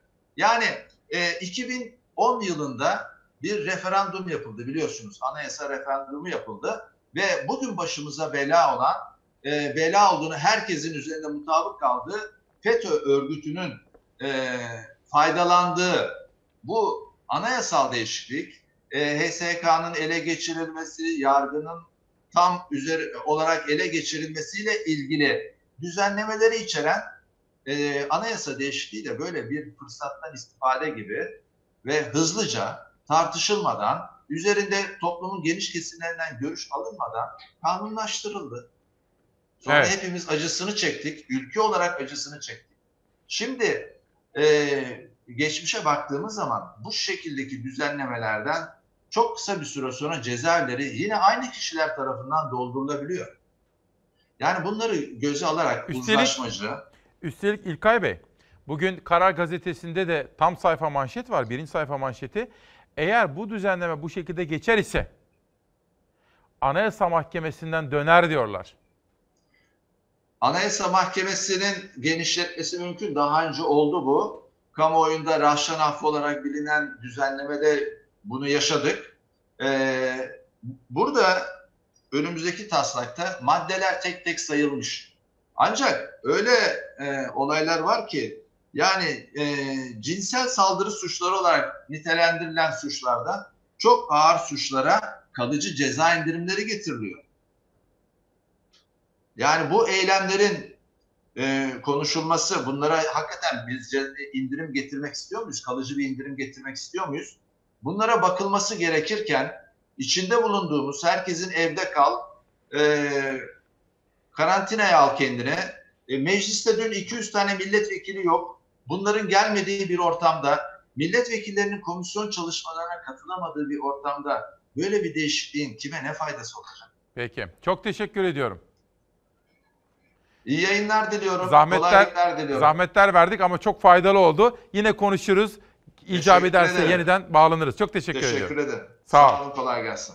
İşte bakın ne yapmak lazım? Çoğulcu, katılımcı, demokratik, eşitlik ve adalet ilkesine uygun çalışmalar yapmamız gerekiyor. Ya böyle fırsatçılık, aman canım buradan da fırsat da böyle değil. Katılımcı, çoğulcu, eşitlik ve adalet ilkesi. Ya bunlar evrensel değerler. İşte biz bugün Çalarsat gazetesinde böyle bir haber yaptık. Şimdi efendim dün buraya Ali Babacan geldi. Ali Babacan hükümetin bir gün önce açıklamış olduğu işten çıkarmalar yasaklansın. Bu güzel. Ama bunun içinde şapkadan bir tavşan daha çıkmıştı ya. Bu konu siyasetin de gündeminde. İşte siyaset neleri konuşuyor? Şimdi sıra onda. Hükümet işsizlik sigortası fonundan işçilere çok daha düşük bir ödenek vermenin yeni bir yolunu icat etmiş durumdadır. Alabilecekleri ücretten çok daha düşük bir ücrete mahkum edilmek istenmiştir. Son dakika olarak düştü tüm ekranlara. İşten çıkarmalar 3 ay yasaklanıyor açıklaması önce sevindirdi. Sonra ayrıntılar ortaya çıktıkça tüm sendikalar iktidara yakın ya da muhalif ortak ses yükseltti. Disk, Hakiş, Türk İş. Çünkü işten çıkarmalar yasaklanırken ücretsiz iznin önü açıldı. İşsiz kalsa alınacak işsizlik maaşından da kısa çalışma ödeneğinden de düşük bir ücret kondu işçinin önüne. Ücretsiz izne çıkarılan işçiye devlet günlük 39 lira 24 kuruştan aylık 1177 lira 40 kuruş ödeme yapacak 3 ay. Yani burada pirince giderken bulgurdan olmamak lazım. Yani kısa çalışma ödeneğini boşa çıkarmadan bir düzenleme yapmak lazım. 600-700 lira kısa çalışma ödeneğiyle arasında fark var. Habertürk yayınına katılan Türk İş Başkanı Ergün Atalay taslağa olan itirazlarını ve önerilerini sunmak için tüm sendikalarla birlikte Çalışma Bakanlığı'nın kapısını çalacaklarını açıkladı. İşçilerin her türlü zorunlu bununla fatura, kredi borçları 3 ay ertelensin. Sahip olduğu çocuk sayısına esas alınarak bu tutar tespit edilebilir. SSK'ya bildirilen son 3 aylık kelime esas kazancın ortalamasının en az %40'ından aşağı olmaması lazım. İşten çıkarmaları yasaklayan taslaktan aylık 1177 lira ücret çıktı. Oysa 23 Mart'ta başvuruları alınmaya başlanan kısa çalışma ödeneği 1752 lirayla 4381 lira arasında. Hükümete yakınlığıyla da bilinen Hak İş'te işte bu hesaba karşı Haber Global'e konuşan Hak İş Genel Başkanı Mahmut Arslan da kabul etmemiz mümkün değil dedi. Kayıt dışı çalışan insanlarımıza bile en az 1000 TL'lik bir ödeme yapan e, ülkemiz kayıtlı çalışıp yıllarca prim ödemiş, gerçekten ülkesine, işlerine, vatanına, milletine hizmet eden insanların sadece 39 TL'lik bir günlük e, ödemeyle bunların ücretsizine çıkarılmasını kabul etmemiz mümkün değil. Sürecin başından bu yana işten çıkarmaların yasaklanması gerektiğini her fırsatta dile getiren DİS Genel Başkanı Arzu Çerkezoğlu da Fox Haber'e konuştu. Tüm sendikalar ilk kez bir aradaydı. Bu yaklaşım ücretsiz izni meşrulaştırır ve kabul edilemez. En az asgari ücret düzeyinde ve kısa çalışma ödeneğindeki oranlar korunarak bu ödemeler yapılmalıdır. İşsizlik sigortası fonu bir kez daha altını çizmek isteriz ki işçiye aittir. Eğer taslak bu şekilde yasalaşırsa işsizlik fonundan işçiye aktarılacak bütçeden tasarruf edilmiş olacak. Muhalefetin de dile getirdiği rekor işsizlik oranı kayıtlara geçmeyecek. Ancak asıl sorun yine kayıt dışında yaşanacak. 13 milyon. Yani bunlar hizmet sektöründe çalışan insanlar, sokakta çalışan insanlar, yani bunlar sanayide çalışan insanlar, AVM'de çalışan insanlar. Ücretsiz izin dayatmasına ve sefalet ücretine hayır diyoruz. Şimdi bir arkadaşım var ama ismini okuduğum zaman bana kızıyorlar. İşte sinirimi bozuyorsun fena olarak diyor. Şimdi ben normalde ismini okurum ve güzelce yanıt da vermeye çalışırım ama ben böyle yapınca bana kızıyorlar. Yapma diyorlar. Çünkü sen onların ismini oku diye sana özellikle böyle yazanlar da var diyorlar. Şahin Mengü mesela bir gün böyle bir şey söylemişti bana. Okuma İsmail'im dedi bunları dedi. Mahsus yapıyorlar. İsimlerini orada duyurmak istiyorlar dedi. Neyse adını geçelim. İskender Atlıhan, sevgili Küçükkaya, insanlardaki enfeksiyon olgularının %66'sı hayvan kaynaklıdır. Dolayısıyla bir veteriner hekimler, biz veteriner hekimler mücadelenin ilk halkasını teşkil etmekteyiz. Ancak bugüne kadar mücadelede adımız sanımız dillendirilmiyor. Bu bir hata dedi İskender Atlıhan efendim. Dün Veteriner hekimlerle ilgili bir haberimiz vardı. Onları da sunmuştuk. Onları da hiç unutmuyoruz. Eczacılarımız gibi, diş hekimlerimiz gibi. Bu arada Osman Gümrü Hocam da küçük bir operasyon geçirdi ama sağ salim şimdi evinde. Osman Hocama da geçmişler olsun diyorum. Peki Murat Bey diyor ki peki sen dayanışma içerisinde misin diyor. Evet söylenilmez ama ailemizle, eşimizle, dostlarımızla, ekip arkadaşlarımızla dayanışma içerisindeyiz. Aydan Şentürk. Teşekkür ediyorum. Bakın hepimiz dayanışma içerisindeyiz. Mesela Dün müydü, önceki gün mü? Mehmet Dudu'yu aradım. Onunla da konuştuk. Gitti pazarda alışveriş yaptı kendisi için değil. Mahallesindeki yaşı büyükler için. Tek tek. Ben de gittim yanına ama uzaktan mesafeyi koruyarak tabii. Her şeye dikkat ediyoruz. Ama Mehmet Dudu işte bütün arkadaşlarımız. Dayanışma zamanları efendim. Hayat müşterektir. Çağdaş Gazetesi Batman'dayım. Polis Teşkilatı 175 yaşında. Çağdaş Gazetesi polisleri unutmamış 3600 ek göstergeyi bu vesileyle hatırlatalım. Fırat Gazetesi Elazığ. Gakkolar polislerimize minnettar. Güvenliğimizin kanatsız melekleri 7-24 iş başında diyor efendim. Gürsel Erol gazetelerde manşette bugün Elazığ'ın diğer gazetelerinde o da diyor ki polislerimiz başta sağlıkçılarımız olmak üzere onların maddi olanaklarını en üst düzeye çıkaralım diyor. CHP Elazığ Milletvekili Gürsel Erol. Gazetede manşet gördüm. Ya dün ya bugün. Geçelim. Cumhuriyet, Ege'de yoğun bakım yatakları yeterli mi? Koronavirüs salgınının yaygınlaşması durumunda yoğun bakım servislerindeki yatak sayısı yetersiz kalacak. Sendikalar ve hekimler yoğun bakım yataklarının artırılmasını talep ediyor. Yeni dönem. Bugün de her zaman olduğu gibi yerel gazeteleri Savaş Yıldız kardeşimle birlikte seçtik ve sizlere aktarmaya gayret ediyorum. Koronavirüs salgınına karşı Bursa teyakkuza geçti. Topyekün mücadele Lale Akasoy'un bir haberi efendim. Dün akşam İçişleri Bakanı Süleyman Soylu Star ana haberinde soruları yanıtladı. Nazlı Çelik'in sorularını yanıtladı. Kaç kişi karantinada, alınan tedbirler, terörle mücadele pek çok konularda manşetler çıktı Soylu'dan. Şu tarih arasında toplu taşıma araçlarına binişi her gün sabah itibariyle e, bizler ölçüyoruz. Evet. E, hafta içi her geçen gün artıyor. İşte bu hafta başladığı zaman 84'ler de başladı. Şu anda 86,5-87 seviyesinde. Yani e, her 100 yolcudan 87'si toplu taşıma kullanmıyor artık. Bu şu demektir. Her 100 yolcudan 13'ü toplu taşıma kullanıyor. Şehirler arası yolculukta da iyi bir izolasyon sağlandı. %99.9. Ya bu da e, esas itibariyle e, bu işin neredeyse yani taşınmanın, hareketliliğin, bulaşın bir yerden bir yere gitmesinin önüne büyük ölçüde e, geçildiğinin e, temel göstergesi. Burada da e, çok net bir şekilde gözüküyor. 18 Büyükşehir Belediyesi'ne ait toplam e, yolcu sayısı %86'nın e, neredeyse e, üzerine gelmiş bir e, durumda. 26 bin kişiye e, adli ve idari e, ceza kesildi. Toplam yani hem idari para cezası hem adli para cezası kesildi. Kim bunlar? İşte e, 60 yaş, e, 65 yaş kuralını ihlal edenler. Sokağa çıkanlar. E, gençler biraz hızlı çıktı. Yani e, Daha çok mu 65 ihlal yaş ediyorlar? onlardan 10 gün önce olmasına rağmen e, 65 yaşı çok çabuk zamanda geç, geçtiler. Ve e, gençler var. E, bir de e, özellikle sosyal mesafeye riayet etmeyenler. Ve e, bunda tabii ki biraz önce söylediğiniz kavga edenler, kumar oynayanlar, e, toplu bir şekilde e, bir birliktelik içerisinde olanlar, bütün bunlara e, kolluk kuvvetlerimiz e, uyarılarını da yapıyorlar.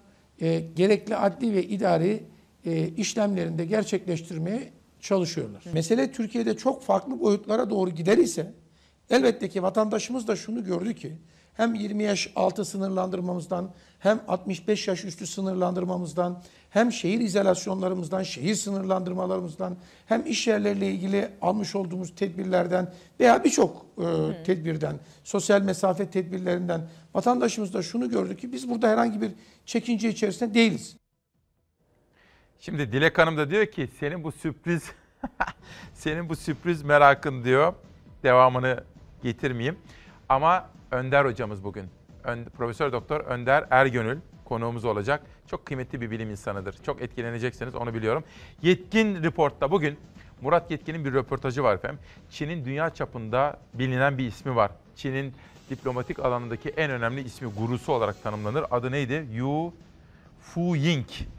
Diyor ki Çin koronavirüsten çok acı bedeller ödeyerek çok önemli dersler çıkarttı. Yönetişim reformu. Yani iyi yönetim, katılımcı, demokratik, şeffaf. Bu ilkelerin ne kadar yaşamsal olduğunu öğrenmiş efendim. Şimdi Ahmet Hakan Hürriyet Gazetesi'nin genel yönetmeni sayemde Ali Babacan bir anda zuhur ediverdi diyor. Bugün 7 ya da 8 ayrı yazarda Ali Babacan gördüm. İkisi eleştiriyordu, biri ortada. Destekleyen de var. Şimdi Ahmet Hakan tabii Ali Babacan'la ilgili iki gündür yazıyordu. Ali Babacan nerede diye. Şimdi diyor ki ben yazdım Ali Babacan ortaya çıktı diyor. Şimdi Ahmet Hakan'a sevgilerimi buradan gönderiyorum. Yayın yönetmeni oldu. Hürriyette bir hareketlilik başladı. Bunu görüyorum. Özellikle muhabir odaklı yayıncılığı ön plana almaya gayret ediyor. Bu da beni sevindiriyor. Ama şunu söyleyeyim. Sevgili Ahmet Hakan, Ali Babacan'ın bu yayına gelme fikri 9 gün önce ortaya çıkmıştı. Bütün yazışmalarım falan bile duruyor. Danışmanlarıyla konuştum. En son geçen hafta Cuma günü. Ta 7 gün önce konuşmuştuk. Hani isterdim ki sen yaz, sen yazdın diye bana gelsin konuklar ama bizde maalesef mekanizma öyle işlemiyor. Çok az konuk seçiyoruz ve biz uğraşıyoruz. Buraya gelsinler, demokrasi meydanı olsunlar diye buradan da Ahmet Hakan'a sevgiler söylüyorum. Ama gerçek şu, Ali Babacan dün yaptığı açıklamalarla ciddi anlamda gündem oldu. Size sormak istediğim ilk soru şu. Bütün bu fırtına geçecek ama ekonomide neler oluyor? Ekonomiye bunun yansımaları. Şöyle bize bir değerlendirme yapar mısınız? Onunla başlayalım. İsmail Bey bu koronavirüs salgını gerçekten e, dünyanın bu yüzyılda yaşadığı en önemli olaylardan birisi. Ali Babacan Çalar Saat'e konuk oldu. Koronavirüs salgınının ekonomiye etkilerini değerlendirdi. Çözüm önerilerini sıraladı. Eldeki bütün cephane kullanılmalı. Uzun yıllar ekonomi yönetiminin başında olan isim Deva Partisi Genel Başkanı Ali Babacan Koronavirüs dün salgını İsmail geçecek. Küçükkaya ile Çalar Ne zaman Saat'in geçer konuğuydu.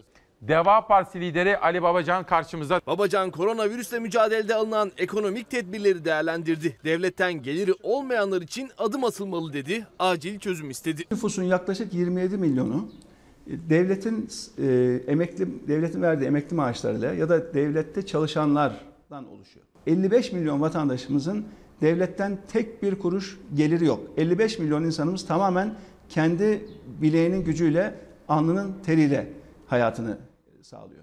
En acil tedbir alınması gereken kesim e, devletten herhangi bir geliri olmayan kesim. Babacan faturaların ertelenmesi gerektiğini söyledi. Devlet de alacaklarından vazgeçsin ya da ötelesin diye konuştu. Elektrik, doğalgaz ve su ödemelerinin mutlaka ötelenmesi lazım. Devlet alacaklarından vazgeçebilir. Devlet alacaklarını erteleyebilir. Devlet borç verebilir.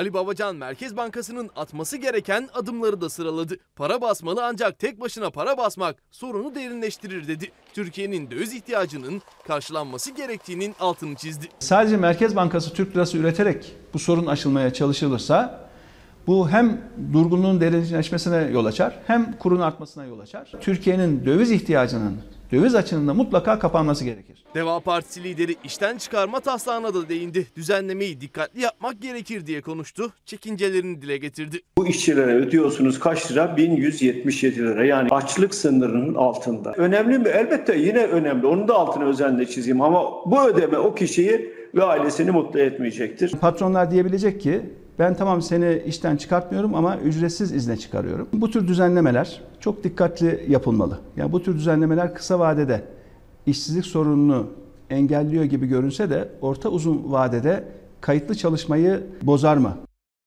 Mesela Dilek Güngör de bugün eleştirel yaklaşmış. Babacan dönemleri bitti demiş. Ama gerçek şu ki bugün 7 ayrı yazarda gördüm. Hatta fazlaları da vardır belki görememişimdir. Şimdi sizlerden gelen mesajlar. Ahmet Bey diyor ki ben 60 yaşında şeker hastası Türkiye Cumhuriyeti vatandaşıyım. Virüs nedeniyle dükkan kapandı. Şu an itibariyle 1 liram yok. Müracaat ettim. Gelen giden yok diyor efendim. Hemen altta bir başka genç arkadaşım. 8 seneden beri bir şirkette çalışıyorum. Emekliyim. Kredi borcum var. Banka ertelediği zaman faiz istiyor. Ne yapmam lazım? Tabii herhalde kızının fotoğrafını koymuş olsa gerek. Bu ülkede çalışan hakkı diye bir şey yok. İşverenler, üst makamlar işçilerine gerektiği kadarını vermiyor diyor. Bakın bunlar da İsmail Küçükkaya ile Demokrasi Meydanı'na katılanların görüşleri efendim. Şimdi bugün hani biz vefalı bir aileyiz dedik değil mi? Vefalı olmamız gerekiyor. Çok özür dilerim. Şimdi efendim ben şahsen tanıdım.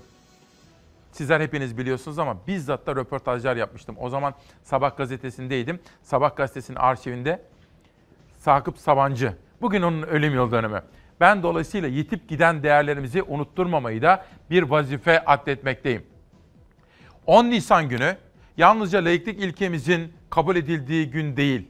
10 Nisan günü yalnızca polis teşkilatımızın doğum günü değil. 10 Nisan günü aynı zamanda Sakıp Ağa'nın, Sakıp Sabancı'nın aramızdan ayrılışının yıl dönümü. Biz de Adana'ya, Sabancı ailesine, sevenlerine bir küçük sürpriz yapmak ve rahmetliyi hatırlatmak istedik.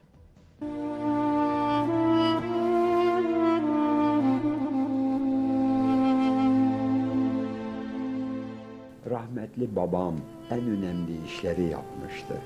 Ben ve kardeşlerim ve değerli arkadaşlarım onun kadar önemliyi yapmadık. Çünkü o var etti, var, var. Biz ancak koruduk. O zaman hep iç pazar düşürüyorduk. O zaman yalnız memlekete yapabileceğimiz, sonra ihracat diyorduk. Şimdi artık dünyanın başka yerlerinde de fabrikalar kuralım. Oralarda üretimler yapalım. Türk bayrağı oralarda da dalgalansın. Belli günlerde İstiklal Marşı Hollanda'da, İngiltere'de, Fransa'daki fabrikalarımızda da.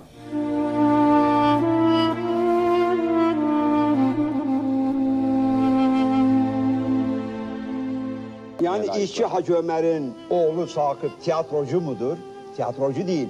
Peki niçin 8 tane tiyatro yaptı şimdiye kadar? Türkiye'nin muhtelif yerlerinde 8 tane tiyatro var. Neden? Çünkü inandım ki direkt, indirekt eğitim tiyatrodan verilir. Bana anlatın. Yaşama sıkı sıkıya bağlısınız. Yaşamı büyük bir coşkuyla, büyük bir sevgiyle yaşıyorsunuz. Bu müspet enerji, bu müspet tavır hepimize hepimizi etkiliyor. Amcacığım siz çok yaşayın. Tanrı sizi sizin için, Tanrı sizi bizim için korusun.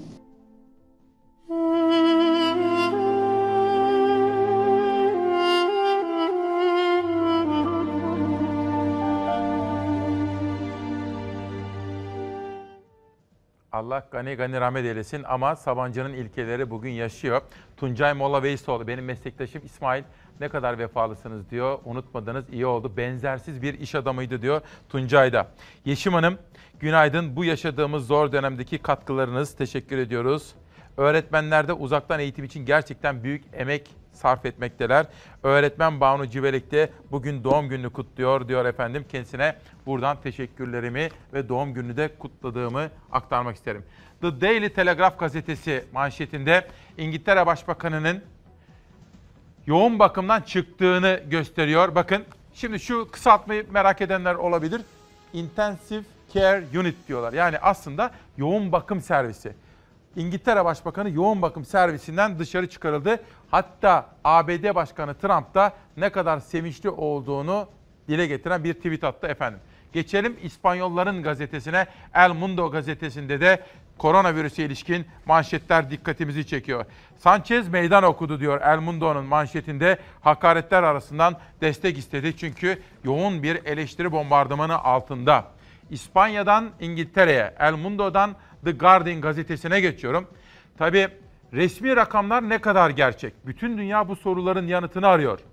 Ancak bir taraftan da resmi rakamlar ne kadar gerçek sorusunun yanıtı aranırken bir taraftan evde bakıma terk edilip de yaşamını yitiren hastalar da manşette. Robert Booth imzalı manşette The Guardian işte böyle bir olaya dikkat çekiyor.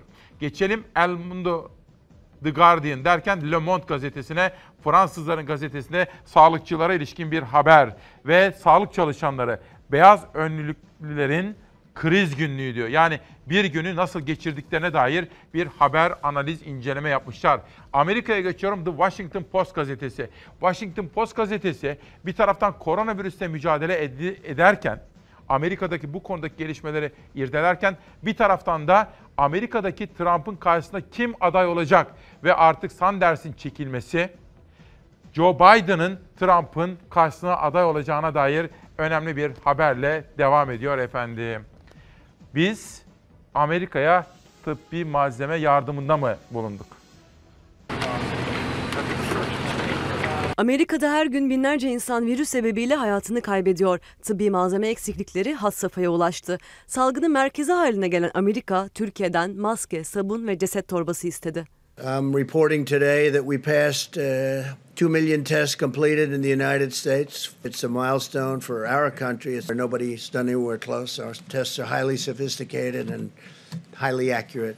Yapılan Covid-19 testleri 2 milyonu geçti. Başkan Trump yaptığı basın toplantısında açıkladı rakamı. Testlerimiz kesin sonuçları ortaya koyuyor dedi. Amerika'da artan testler vaka sayısını da eşi görülmemiş rakamlara çıkardı. 425 binden fazla aktif vaka olan ülkede ölenlerin sayısı 26 bine tırmandı. Dünya Sağlık Örgütü'nün önceliği bütün ülkelere eşit davranmak olmalıydı. Ama öyle görünmüyor. Bunun üzerine araştırma yapacağız ve ne yapmamız gerektiğine karar vereceğiz. Başkan Trump Dünya Sağlık Örgütü'ne yüklenirken Amerikan sağlık sistemi çökme noktasına geldi. Hastaneler doldu, taştı, doktor ve personel malzeme eksikliğinden şikayetçi. Zorda kalan Washington'ın çaldığı kapılardan biri de Ankara oldu. Amerika Türkiye'den tıbbi ürün ve cihaz talep etti. Talepler arasında maske, tıbbi önlük, solunum cihazı, sabun, dezenfektan başı çekti. Washington ürünleri satın alabileceğini söylerken takas teklifinde de bulundu. Salgınla beraber Amerika'da ekonomik sıkıntılar işsizliğin zirve yapmasına sebep oldu. İşsizlik yardımına başvuranlara 6,5 milyon kişinin daha eklenmesiyle yardım talep edenlerin sayısı 16 milyona ulaştı. Şimdi efendim Profesör Doktor Önder Ergönül hocamızı huzurlarınıza getireceğim. Bir iki dakikaya ihtiyacım var. Ve kendisiyle merak ettiğimiz her şeyi konuşabileceğimiz, kendisine güven duyabileceğimiz, itimat edebileceğimiz bir bilim insanıdır. Şimdi bakın bugün tam da laiklik ilkesiyle ilgili yıl dönümü ya. Benim kullandığım ajandada her gün Atatürk'ün gerçek sözlerine dayalı olarak bazı aktarımlar vardı. Şuraya hep beraber okuyalım gelin. Atamız diyor ki, biz cahil dediğimiz zaman mektepte okumamış olanları kastetmiyoruz. Kastettiğimiz ilim hakikati bilmektir. Yoksa okumuş olanlardan en büyük cahiller çıktığı gibi, bakın burası önemli. Atamız diyor ki, okumamış olanlardan, pardon okumuş olanlardan en büyük cahiller çıktığı gibi hiç okumak bilmeyenlerden de hakikati gören gerçek alimler çıkabilir diyor. Ne kadar doğru bir söz öyle değil mi? Yurdumuzdan korona manzaralarını izliyoruz. Dönüşte burada hocamız var. 66 yaşındaki Minnet Pınarcı Antalya'da tedavi için eşiyle birlikte yattığı hastaneden 21 gün sonra tek başına çıktı. Covid-19 eşini elinden aldı ama o koronavirüsü yenip taburcu oldu ve iyileşen diğerleri gibi onun da çağrısı aynıydı. Herkes evinde kalsın ya Rabbim. Allah kimseyi bu hastalığa yıkatmasın. Gelen acı haberler yürekleri yaksa da virüsü yenip sağlıklarına kavuşanlar umudun sembolü olmaya devam ediyor. Evet 75 yaşındaki teyzemizi gönderiyoruz taburculuğa. 8 Nisan 2020 itibariyle 264 koronavirüs hastası hastanelerden taburcu edildi. Amerika Birleşik Devletleri'ndeki imza gününde koronavirüse yakalandığı şeklinde haberler yayılan sanatçı ve yazar Zülfü Livaneli de Bodrum'daki köy evinden sevenlerine seslendi. Ortalıkta çok spekülasyon yapıldı ama e, resmi devletin raporlarında da var. Koronavirüste negatifim.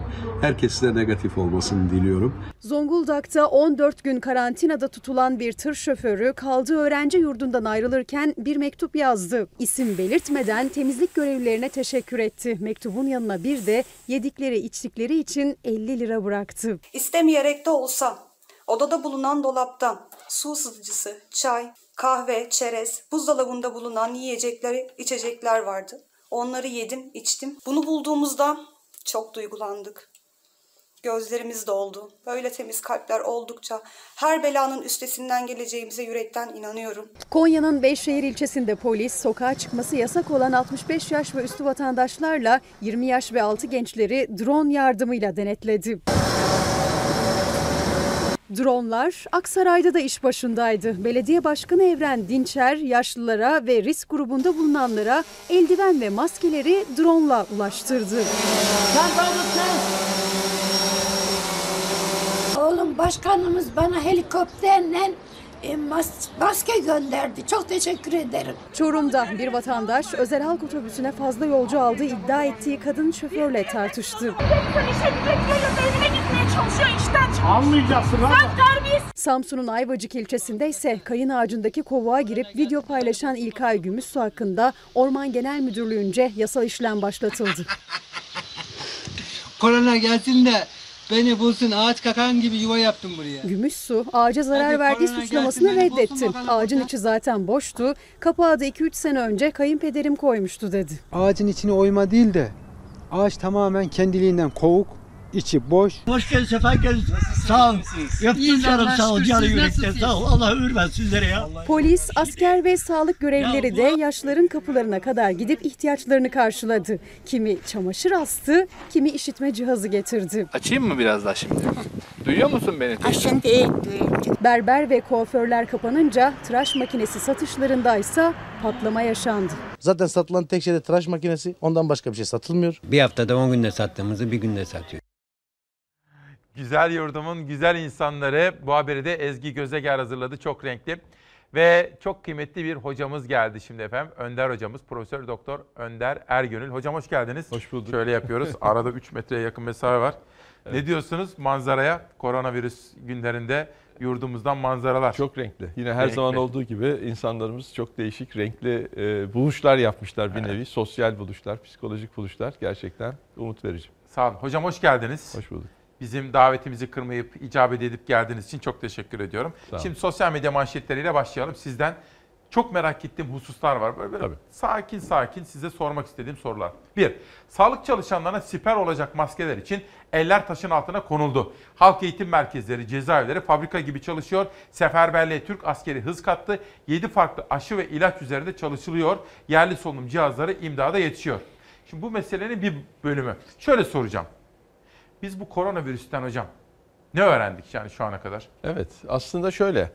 Şimdi her ülke, her toplum, ben tabii bütün ülkeler nezdinde bakıyorum. Türkiye'de tabii ben e, ülkemin e, en öncelikli kendi ülkemin mücadelesi ama her ülke ne kadar hazırlıklıysa o kadar çok öğrendi. Öncelikle bunu söyleyelim.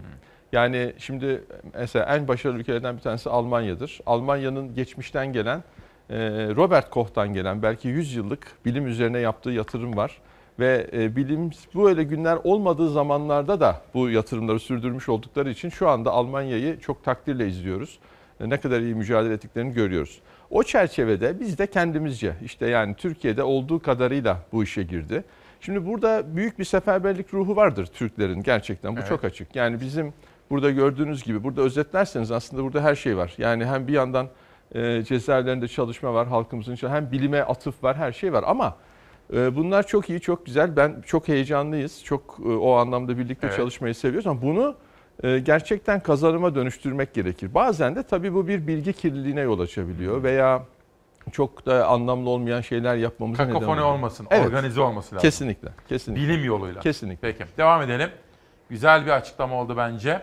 Şimdi Dünya Sağlık Örgütü Başkanı diyor ki 1960'larda çiçek hastalığına karşı Sovyetler Birliği ve Amerika'nın işbirliğini örnek gösterdi. Ülkeleri virüsü politize etmemeye çağırdı. Çok doğru, çok haklı. Yani şöyle, çiçek eradike edildi 1978'de çiçek hastalığı ve bunu o zaman Sovyetler Birliği ve ABD biliyorsunuz Soğuk Savaş yıllarıydı. Müthiş bir savaş vardı.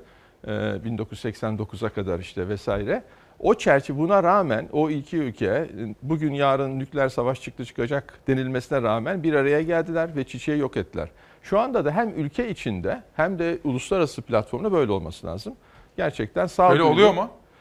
e, bence fena değil. Yani o anlamda ben olumlu görüyorum. Mesela şöyle görüyorum. Bir yandan e, e, işte bilim kurulu var, Sağlık Bakanlığı bir şey yapıyor bir şeyler. Hani tabii ki eksikler olabilir. Bunu herkesin eksik. Şimdi Amerika Birleşik Devletleri'nde ne eksikler yaşandı? Hani dış bakarsak. Bir yandan ama eksikleri görmek de lazım. Açık olmak Görüp lazım. gidermek. Gidermek aynen kesinlikle. Tabipler Birliği de arkadaşlarımız uzmanlık derneği bu ben de mesela bir uzmanlık derneğin hem Türkiye hem Avrupa Yönetim Hangi dernek? üyesiyim. Klinik Derneği Türkiye'den ve Avrupa'dan da Avrupa Enfeksiyon Hastalıkları Yönetim Kurulu üyesiyim ben. Üstelik bu işten sorumlu kişiyim Avrupa'da e, bu or- toplantılar organize eden. Bu çerçeveden bakarsak yapıcı tarzda ama eleştiriye de Ama açık şöyle bir olmak eksikliğimiz lazım. var. Devletimizin zirvesi Türk Tabipleri Birliği gibi çok önemli meslek kuruluş ve birliklerini dahil etmedi mekanizmaya. Yanlış bence. Evet edilmesi lazım kesinlikle. Uzmanlık dernekleri ve o derneklerin dahil edilmesi yarar var. Çünkü Tabii. bu bizim ruhumuzu işte bir araya getirecek bir şey. Yani Siz bir şey söyleyeceksiniz. Ben bir şey söyleyeceğim. Tabii. O diyecek. Tabii. Erdoğan diyecek. Kılıçdaroğlu herkes yani sadece siyasette değil bilimde de lazım. Kesinlikle. Babacan dün buraya geldi efendim. Dün yayın yaptık kendisiyle. Devlet tüm cephanesini acilen kullanmalı yoksa salgın ekonomik zararı büyük olur. Şimdi siz bilim insanlarısınız ama bu meselenin farklı bölüm ve boyutları da var değil mi? Tabii, Mesela tabii. bunlar? Ya biz de tabii bunu bir nevi sonuçta işin sosyolojisi, psikoloji, ekonomisi birçok e, e, bölümü ya da birçok e, disiplini etkileyen bir şey. Hakikaten dünya epeydir böyle bir şey yaşamadı. Yani şimdi iki- 21. yüzyılın ikinci pandemisi diyoruz ama birinci pandemi olan 2009-2010 e, pandemik influenza'da bu yaşanmadı. Burada çünkü ölüm oranları çok yüksek. Kısa sürede ölüm her zaman tarih boyunca insanları etkiler. Yani uzun süreli ölüm çok etkilemez. Alışılır çünkü. İnsan buna alışır. Ama kısa sürede ölüm olursa bu şok etkisi yaratır. Dolayısıyla her boyutu var ve herkes bunu düşünüyor. Bu çok ilginç. Bizim için de çok öğretici. Siz hiç bekliyor muydunuz? Böyle bir şey tahmin eder miydiniz? Ben bu kadarını beklemiyordum. Yalnız benim 2000 e, Ocak ayının 7 Ocak'ta bir açıklamam var mesela. O kayıtlarda da mevcut. Bizim Avrupa Derneği'nin toplantısını düzenlerken biz 18 Nisan'da Paris'te toplantı yapacaktık mesela. 15 bin kişinin katılımıyla. Organizatörlerden bir tanesi benim ve o zaman diyorum ki Çin'de bir pnömoni var arkadaşlara. Çok ilginç. Burada ne oluyor acaba? İsmi yok henüz. E, 6 Ocak'ta bunu söylerken 7 Ocak'ta isimlendirildi. Ne olabilir? SARS'a çok benzerlik kurduğumuz için SARS'ın toplam vaka sayısı 8-10 bindir. 8 bin kişiyle Çin'de ya da işte uzak doğuda kalır. Bize de işte 3-5 vaka uçakla vesaire gelirse olur gibi bir beklenti vardı. Hatta Avrupalı meslektaşlarım dedi ki yani sen bu konun bu olduğu için abartıyorsun e, dediler. Ama ben dikkatle izleyelim diyordum. Bu noktaya varacağını tahmin etmezdim. Peki. Hele hele Amerika'nın birinci ülke olduğunu hiç tahmin edemezdim. Amerika muazzam, muazzam sıkıntı yaşıyor. Murat Ongun, İstanbul Belediyesi adına bir paylaşım yaptı. Covid-19 testi negatif çıkan 380 çalışanımız Darülaceze'deki yaş almış misafirlerimizi korumak adına 15 gün boyunca eve gitmeyecek ve kurumdan dışarı çıkmayacaklar. Periyodik olarak uygulanacak bu yöntemle salgının yayılma riski büyük oranda azaltılmış olacak. Adalet Bakanlığı'nda da böyle bir karar verildi. Bu doğru bir uygulama Doğru, mıdır? Doğru yani şöyle şimdi 15 gün hep 14 gün 15 gün geçiyor bu kuluçka süresi. Kuluçka sürelerini yalnız şöyle yaparız biz. Mesela 2 ila 14 gün deriz. Bu neye göre denir? Literatürde e, birisi 14 gün sürmüştür ya da 15 gün sürmüştür. O orada kalır. Ortalaması halbuki 5-7 gündür. Yani kişiden kişiye değişebilir mi? Tabii değişir. Şu anda mesela bizim Türkiye vakalarında gördüğümüz ortalama %90'ı aslında 5 ila 7 gün. 5-7 gün. Şöyle anlatayım. Evet. taşıyıcıysa birisi yani kendimi göstermeyeyim. Çünkü ben öyle yaparken annem evladım göstermeyin kendini öyle derlerdi ya. Şimdi birisi taşıyıcı ve sizle temas edersem Şöyle ta- ona da taşıyıcı lafı da aslında çok, Değil mi? Evet bu değişecek. Düzeltin eminim. lütfen. Şöyle şimdi bir kere hasta olan kimseler bunu bulaştırıyorlar. Taşıyıcı şunu deriz biz yani hiçbir zaman hasta değil olmayacak da ama virüsü içerisinde ya da bakteriyi bula- e, taşıyor. Buna Tamam. taşıyıcı deriz.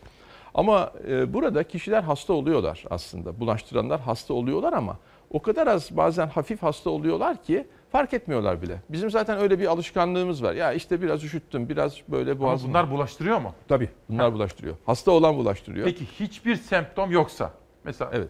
bende virüs var ama hiçbir şey yok. Bulaştırır mı? Bulaşmaz ama şöyle bir risk var. Mesela ben tabii ben hastaneden geldim. Evet. Belki yarın hasta olacağım. Yani veya akşam hasta olacağım. İşte hasta olmadan önce bir 12 saat kadar işte öncesinde de bulaştırma riskim olabilir. Hasta ol karıştıran mesele bu. Bu daha matematiksel bir hesap gerektirir. Bir şey söyleyeceğim. Siz şimdi hastaneden geldiniz ya. Evet. Diyelim sizde var. Evet. Bana bulaşması nasıl olabilir? Yakın olursam size mesela biz şöyle çok dip dibe çok yakın olsak şu anda aramızda bizim 3-4 metre mesafe 3 metreden var. fazla. O mesafeyi almayı öğrendik artık. Mesafeleniyoruz. Evet. Ya inanın bak e, İmamoğlu geldi, o geldi, bu geldi. Ben uğurlamaya diyorum böyle yapıyorum. Evet. Güle güle. Çok doğru. Şey Mesela yok. aynen şunu da söyleyeyim. Mesela şurada maske takmaya gerek yok. Takmıyoruz. Seyircilerimize de açıklamış olalım. Hani Evet. şov yapıp maskeyle de çıkabilirdik mesela. Değil mi? Yani gerek yok. Bana da söylüyorlar. Diyorum ki şova gerek yok. Gerek Biz önlem alıyoruz. Evet. Neden? Maskeyi anlatın biraz. Evet. Şimdi mesela biz şu mesafemizi koruyoruz. Bilimsel olarak bunun geçebilmesi için 1-1,5 metre ağzımızdan farkında olmadan çıkan damlacıkların gitme mesafesi. Tamam. Tabii buraya ben şimdi bulaştırıyor olabilirim. Yani benden sonra şöyle bir silinmesine fayda var mesela buraların diyelim ki. Hani Canan Hoca'yı aradım geçen gün. Canan Ağlar hocamızı. Evet. Hocam her şeye dikkat ediyorum dedim. Yine de şunu yapın dedi. Hani her gün temizlensin, havalansın dedi. Ben hemen o gün Doğan Şentürk'ü aradım yayın yönetmenimi. Biraderim zaten yapılıyor dedi ama ekstradan da şeyler Ekstra. yapıldı. Evet. Her şey havalan. Her Tabii, gün temizleniyor. her-. Her gün değil. Kaç kere? Kaç tabii. Ve dolayısıyla bizim aramızda mesafe olduktan sonra bulaşma olayı olamaz. Peki. Bazı spekülatif haberler oluyor. Mesela 6 metre falan gibi. Böyle yayınlar da çıkıyor. Ona da değiniriz belki. Peki. Bu bilgi kirliliği. Şimdi yeterli. tabii bu da siz enfeksiyon hastalıkları uzmanısınız ama çok farklı boyutları var hocam. Bu salgın feci bir şey. Türkiye şalter indirmeyerek doğru olanı yapıyor dedi. Şimdi şalter indirmek şu. Tümden kapatma. Tümden kapatalım mı kapatmayalım mı? Şimdi şöyle bu o kadar e, göreceli bir şey ki belli ülkelere göre değişen, ülkenin hazırlığıyla. Mesela Almanya'yı düşün. Bak yine Almanya Evet, örneği vereceğim. iyi bir örnek. Tabii çok iyi örnek. İyi bir örnek. Yani en iyi örnek. Sen Singapur da iyi bir örnektir ama Singapur bize biraz uzak geliyor. Almanya'da hem biz yani bir tarihsel, toplumsal E orada bir de ilişkilerimiz- 3 milyon insanımız kardeşimiz var. Kardeşimiz var. Dolayısıyla Almanlar ne yaptılar bakın? E, şalter indirmediler. Hiçbir şey yapmadılar. Hatta seferlerini bile şimdi Çin'e e, yaptılar. O zaman da yaptılar. Şimdi Almanların e, çok hızlı tanı koydular. En büyük numaraları tanıdaydı. Tanı tanıyı çok hızlı yaptılar. Test mi? Test. Test olayını çok hızlı yaptılar. Bunu hep biz de hatırlattık. Hatta oranın başında olan Christian Drosten. Biz burada geri kaldık hocam Evet işte. doğrudur. Doğru. Bunun ama muhasebesini tabii biz şu anda savaş halindeyiz. Hani bittikten sonra hakikaten yapmalıyız. Buradan ne öğrendik? Tamam. Bunları öğrenerek de çıkmalıyız. Yani buradan çıkarken gerçekten. Hayır şöyle hocam mesela bizim gibi bağımsız medya bunları söyleyince ne oluyor biliyor musun? Sağlık Bakanlığı da bizi izlediği için bilim kurulu Evet. da izliyor. Artırıyorlar. Mesela ilk başlarda biz bu eleştirileri Tabii. yine yapıcı dille Tabii, söyledik. tabii. Şimdi mesela dün Sağlık Bakanı ne diyor önceki gün? 30 bine çıkıyoruz Tabii dedi. çok 30 güzel. bin. Ya, Çok güzel. Veya Artık çıkacağız. Ben de söyledim yani testi demiştik veya demiştik ki akşamları olmasın gece yarısı açıklamalar oluyordu. Sağ olsunlar onu gördüler. Evet, ifade işte etmemiz böyle. lazım. Hepimiz yeni Tabii, öğreniyoruz. tabii. Bakan ne dedi? Bu virüsü de biz yeni öğreniyoruz Tabii. dedi. Tabii çok doğru. Buna Peki. açık olmak lazım. Hakikaten şu anda iyi gidiyoruz sanıyorum. Yani o anlamda tabii çok e, yoğun hasta bakan hastanelerimiz var. Ha- Hala işin ortasındayız. Tepeye Ben hocam çıkıyoruz. her gün en az 3 hocamızla konuşuyorum. Bir Evet. bilgimi burada paylaşayım. Bizde böyle yatak sorunu, yoğun bakım sorunu falan yok ve olmayacak gibi gözüküyor. Fakat dok- doktor sorunu olacak hocam. Ondan Evet. korkuyorum. Doktor sorunumuz şöyle aslında. Şimdi bu işin öncülüğünü yapanlar aslında enfeksiyon hastalıkları uzmanları. Evet. Tabii bizim alanımız, bizim bu kaçıncı gördüğümüz irili ufaklı salgınlar vesaire. Ama diğer meslektaşlarımız hemen devreye girerse çok hızlıca bir ordu gibi düşünün. Ordu. Yani cephede biz varız, biz kabul ediyoruz. Cephedeyiz tamam, Tamam. ama hemen diğer e, kuvvetlerin girmesi Türkiye bunu çok rahat yapabilen bir ülke. Yani bir nevi genetiğinde var muhtemelen. İşte Savaş seferber- eğer memleket yani işgal altında gibi Tabii. öyle bakacağız. Tabii aynen. Koronavirüs salgını Avrupa ülkelerinde ihtiyatlı iyimserlik. Hocam şimdi mesela yavaş yavaş gevşetelim diyor fakat Dünya Sağlık Örgütü uyarıyor. Aman ha diyorlar. Tabii, tabii. Siz ne diyorsunuz? Çünkü şöyle, şimdi bakın bunu matematiksel bir şey. Şimdi e, sizce mesela Türkiye'de yüzde kaç enfekte oldu? Yani bu hastalığı geçirdi. Biz diyoruz ki hep başından beri.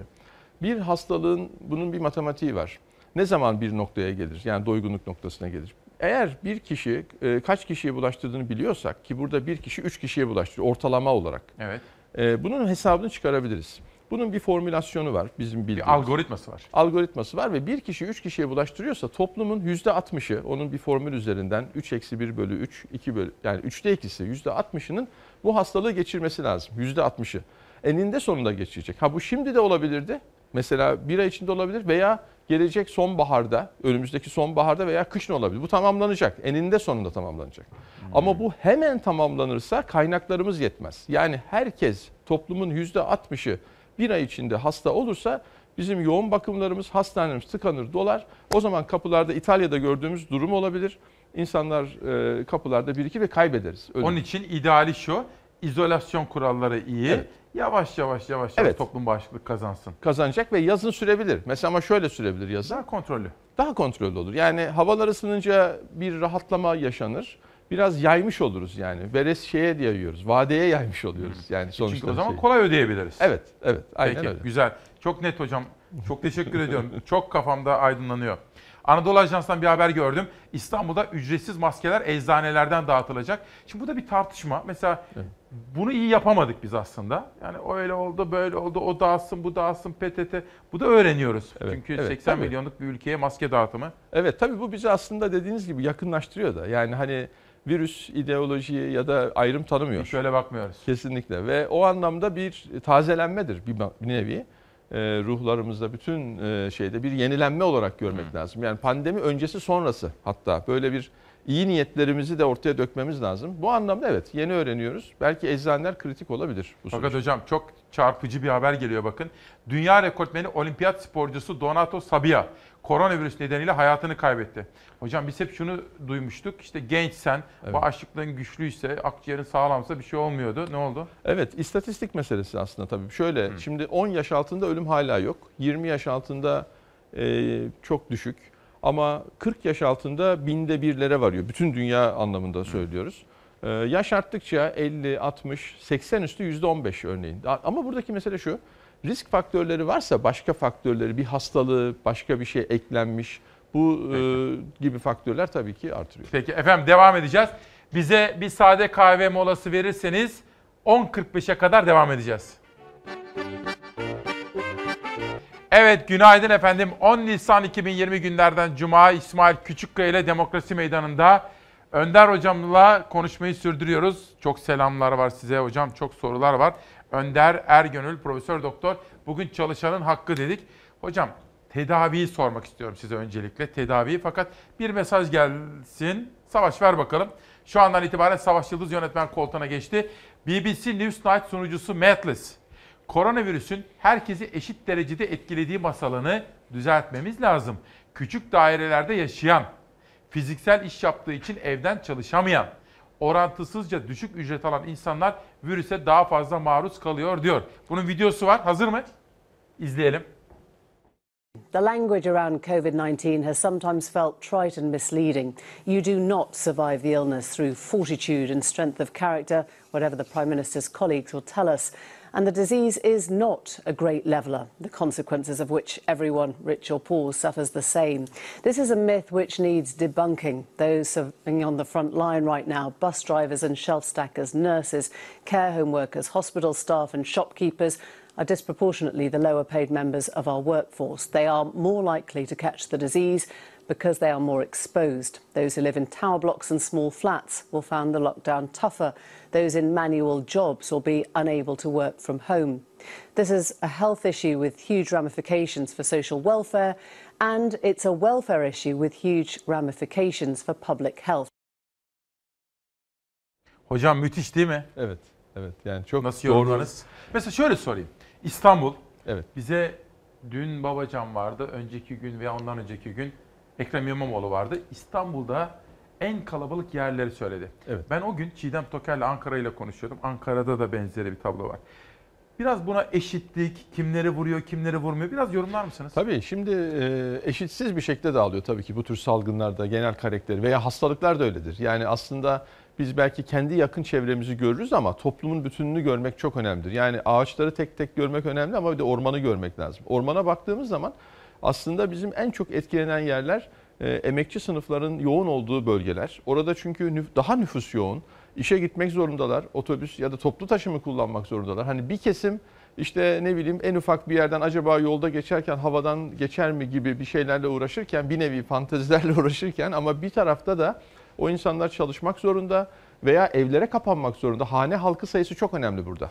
Yani mesela bir hane halkı eğer 10 kişi yaşıyorsa bizim belli semtlerimizde belli bu semtler İstanbul haritası yani kenarda yer alan marjda marjinal olan yerlerimizde hane halkı 10 kişi ise 15 kişi yaşayanlar var örneğin belli semtler. O zaman tabii ki burada bulaş çok fazla oluyor.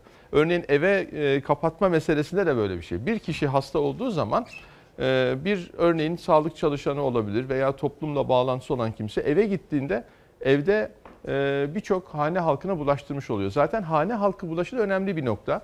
Sadece hane halkı değil, iş yerleri, çalışmak durumunda olanlar gerçekten daha çok etkileniyorlar. Bunu net olarak görmeliyiz. Hocam siz mesela kişisel olarak hep onu da merak ediyorum. Şimdi biz tabii siz bir otörsünüz, bir profesörsünüz ama sizin de bir eşiniz, dostunuz, aileniz, bir çalışma Evet. ortamınız, sosyal. Siz ne yapıyorsunuz mesela? Yine mesafelenme. Yani ben e, mesafe almaya çalışıyorum.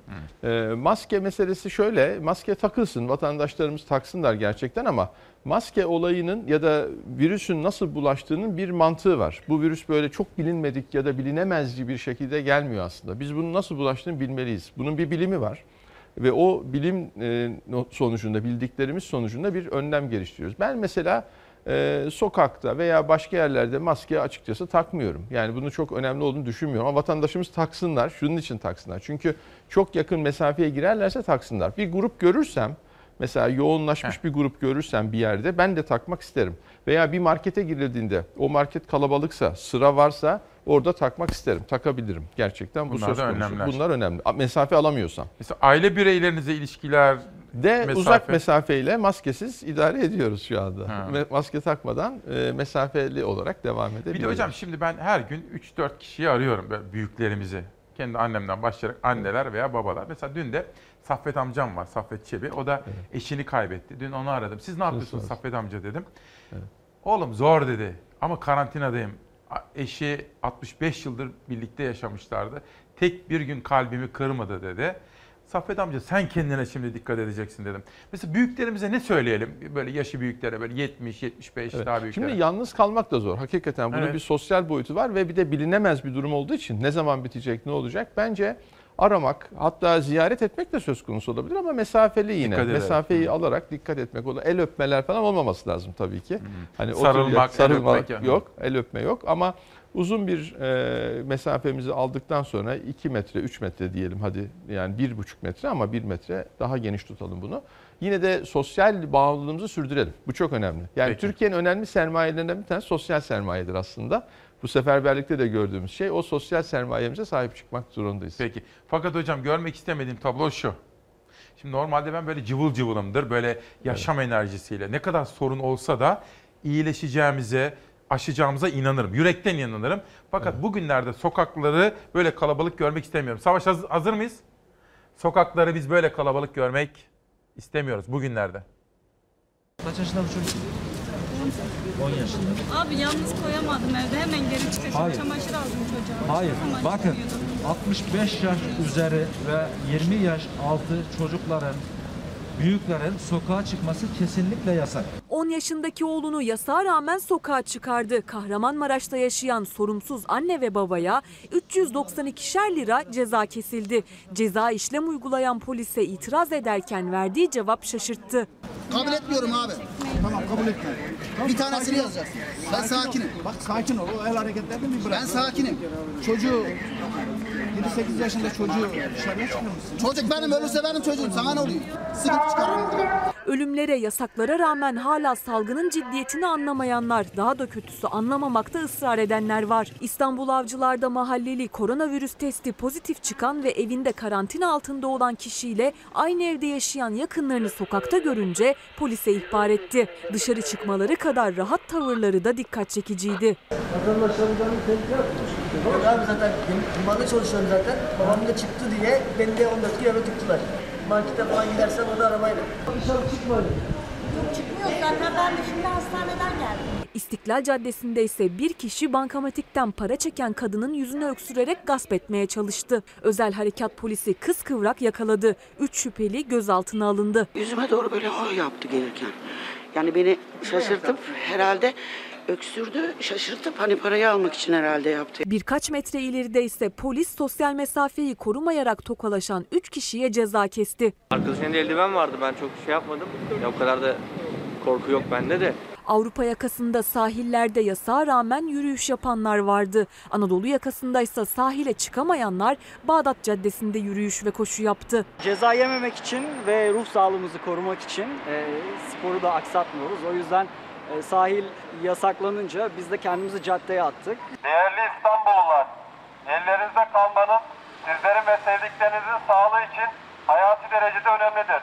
Şu bilimsel bir gerçek sonuçta sosyal izolasyona uymayan ya da uyulamayan ortamlarda virüs çok kolay yayılıyor. İşte tüm bu sorumsuzluğun sonucunda Türkiye'nin bir ayda koronavirüs haritası bu hale geldi. Büyük apartmanlar, özellikle komşuluk ilişkilerinin devam ettiği, işte akrabaların birbirine yakın oturduğu ya da hemşerilik faktörünün çok önemli olup insanların birbiriyle daha yakın temasta bulunduğu e, ortamlarda ve e, çalışmak zorunda olup kalabalık iş yerinde bulunmak zorunda kalan kişilerin yaşadığı e, yerlerde ve çalıştığı yerlerde e, bu e, vaka sayısının fazla olması beklenir zaten. Halk sağlıkçıların gerçekten bu haritaları alıp önlerine koyup her ilde, her ilçede çok farklı dinamikler söz konusu olabilir ve her ilin, ilçenin çok farklı çözümlere ihtiyacı olabilir.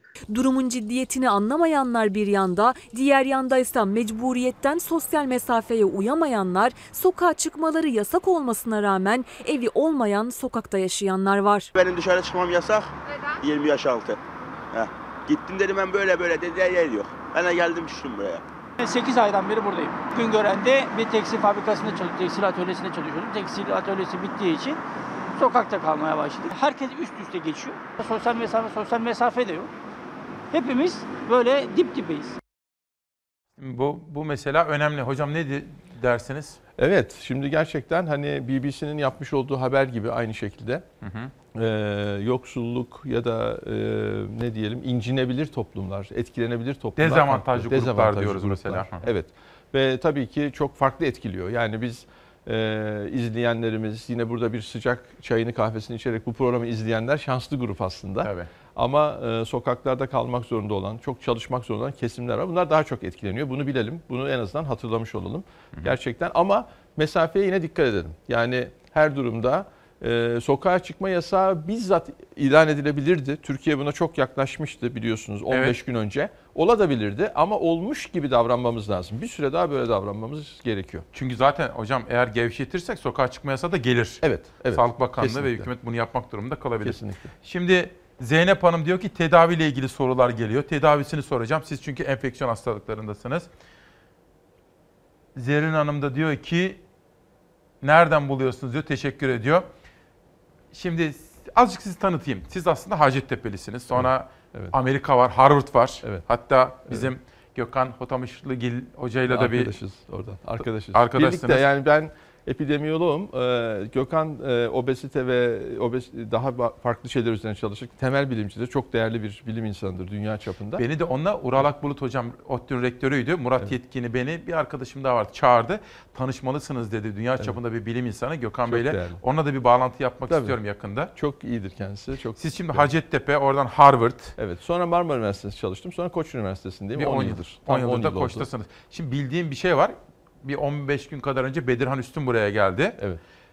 O da Dünya Sağlık Örgütü ile yakın çalışıyor. Şu bilgiyi kısacık çok detaya girmek istemezsiniz biliyorum ama Koç Üniversitesi şimdi bu salgınlarla ilgili bir merkez kuruluyor. Evet. Ne aşamada? Yani şöyle çalışıyor. Koç Üniversitesi e, birçok disiplinle birlikte böyle müsait bir üniversite. Dünyada böyle nadir üniversiteler var aslında. Yani mühendisler, fen fakültesinden olanlar, bazı farklı disiplinler burada çok önemli. Bunu görüyoruz. Nasıl ki burada ekonomi e, ile de ilişkili, işte sosyal problemlerde tartıştığımız hak sağlığı denilen kavramlar veya bir mühendisin bir şey icat etmesi, matematiksel olarak bakması, salgın kavra, eğriler çiziyoruz. Bayağı matematik öğrendi insanlar bu salgında Peki. aslında. Yani o çerçevede Koç Üniversitesi bünyesi buna çok müsait ve o Nasıl bir anlamda salgın merkezi? Ne olacak yani mesela? e, çalışıyoruz biz mühendis arkadaşlarımızla hem öğrencilerimizin desteğiyle çok farklı alanlardan. Örneğin hep benim hayalimde hep şu var. Bizlerin e, bilimsel anlamda buna biz nasıl müdahale edebiliriz? Yani Almanlara gıptayla bakıyoruz mesela Almanların çalışmasına. en iyi örnek o. En iyi örnek. Acaba bizler böyle şeyler yapabilir miyiz? Bunun için bugün bu biter, başka şeyler olabilir. Yani önümüzdeki süreçte bambaşka şeyler olabilir. Yeni salgınlar olabilir mi? Tabii ki, tabii ki. Yani bakın 2009-2010'da pandemi, influenza pandemisi vardı. Hiç beklemeden bu çıktı. Hiç bunu beklemiyorduk. Biz yani Ocak ayında bile hiçbir şey beklemiyorduk. Çin'de vakalar Peki. çıkmış olmasına rağmen. Dolayısıyla hazırlıksız yakalanmamak, fenersiz yakalanmamak Anladım. gerekiyor. Hazırlık yapacağız. Evet. Şimdi bir de hocamıza Zeynep Hanım soruyordu. Tedavi, plazma tedavisi. Size bunu sormak istiyorum. Hazır mıyız? İzleyelim. Plazma tedavisi bu hastalığı geçirip iyileşen kişilerden toplanan plazmanın hastalara uygulanmasıyla yapılan bir tedavi. Bu plazma tedavisi %100 bu koronavirüs hastalığını tedavi ediyor anlamına gelmiyor. Ama hastalar içinde tıp dünyası içinde bir umut. Türkiye'nin son koronavirüs tablosuna göre vaka sayısı 40 bini aştı. 1552 kişi yoğun bakımda, solunum cihazı gereken hasta sayısı ise 1017. Plazma tedavisinin Sağlık Bakanlığı onayıyla resmen başlatılmasıyla birlikte hasta yakınları da sosyal medyadan plazma arayışına başladı. Ama tedavi için sadece doktorlar başvuru yapabiliyor. Hasta yakınları değil bu hastaları takip eden doktorlar e, Kızılay'a e, İl Sağlık Müdürlükleri üzerinden başvurabiliyorlar. Plazma toplanması için de belli merkezleri e, devreye soktu Kızılay. O merkezleri görevlendirdi. Bunların listesi e, Kızılay'ın e, sitesinde var. Doktorlar Türk Kızılay'ına ihtiyaç halinde başvuruda bulunuyor. Kızılay koronavirüsü yenen ve plazma bağışlamak için gönüllü olan kişilere ulaşıyor. Ama sadece gönüllü olmak, bağışçı olmak için yeterli değil. Bağışçıdan plazma alınabilmesi için doktorların titizlikle üzerinde durduğu bazı şartlar var. İyileştikten sonra 14 günün geçmesi lazım. İyileşen kişinin kanında da yeterli miktarda virüsü durduracak antikor dediğimiz proteinlerin bulunması gerekiyor. Bir diğer kuralımız da solunum sisteminde test yapılıp virüsün de olmadığını göstermek gerekiyor. Bu kişinin başka herhangi bir hastalığının olmaması gerekiyor. E, Kan nakliyle bulaşabilecek. Koronavirüsü yenen ve uygun şartları yerine getirenler içinse bağışçı olmak çok kolay ve risksiz. Damar yoluna girilip kanınızı alıp cihazdan geçirip e, diğer bir damar yolundan kanı size verirken plazmasını ayırıyor cihaz. İspanyol gribi gibi, SARS salgını gibi küresel pek çok salgında denenmiş bir yöntem plazma tedavisi.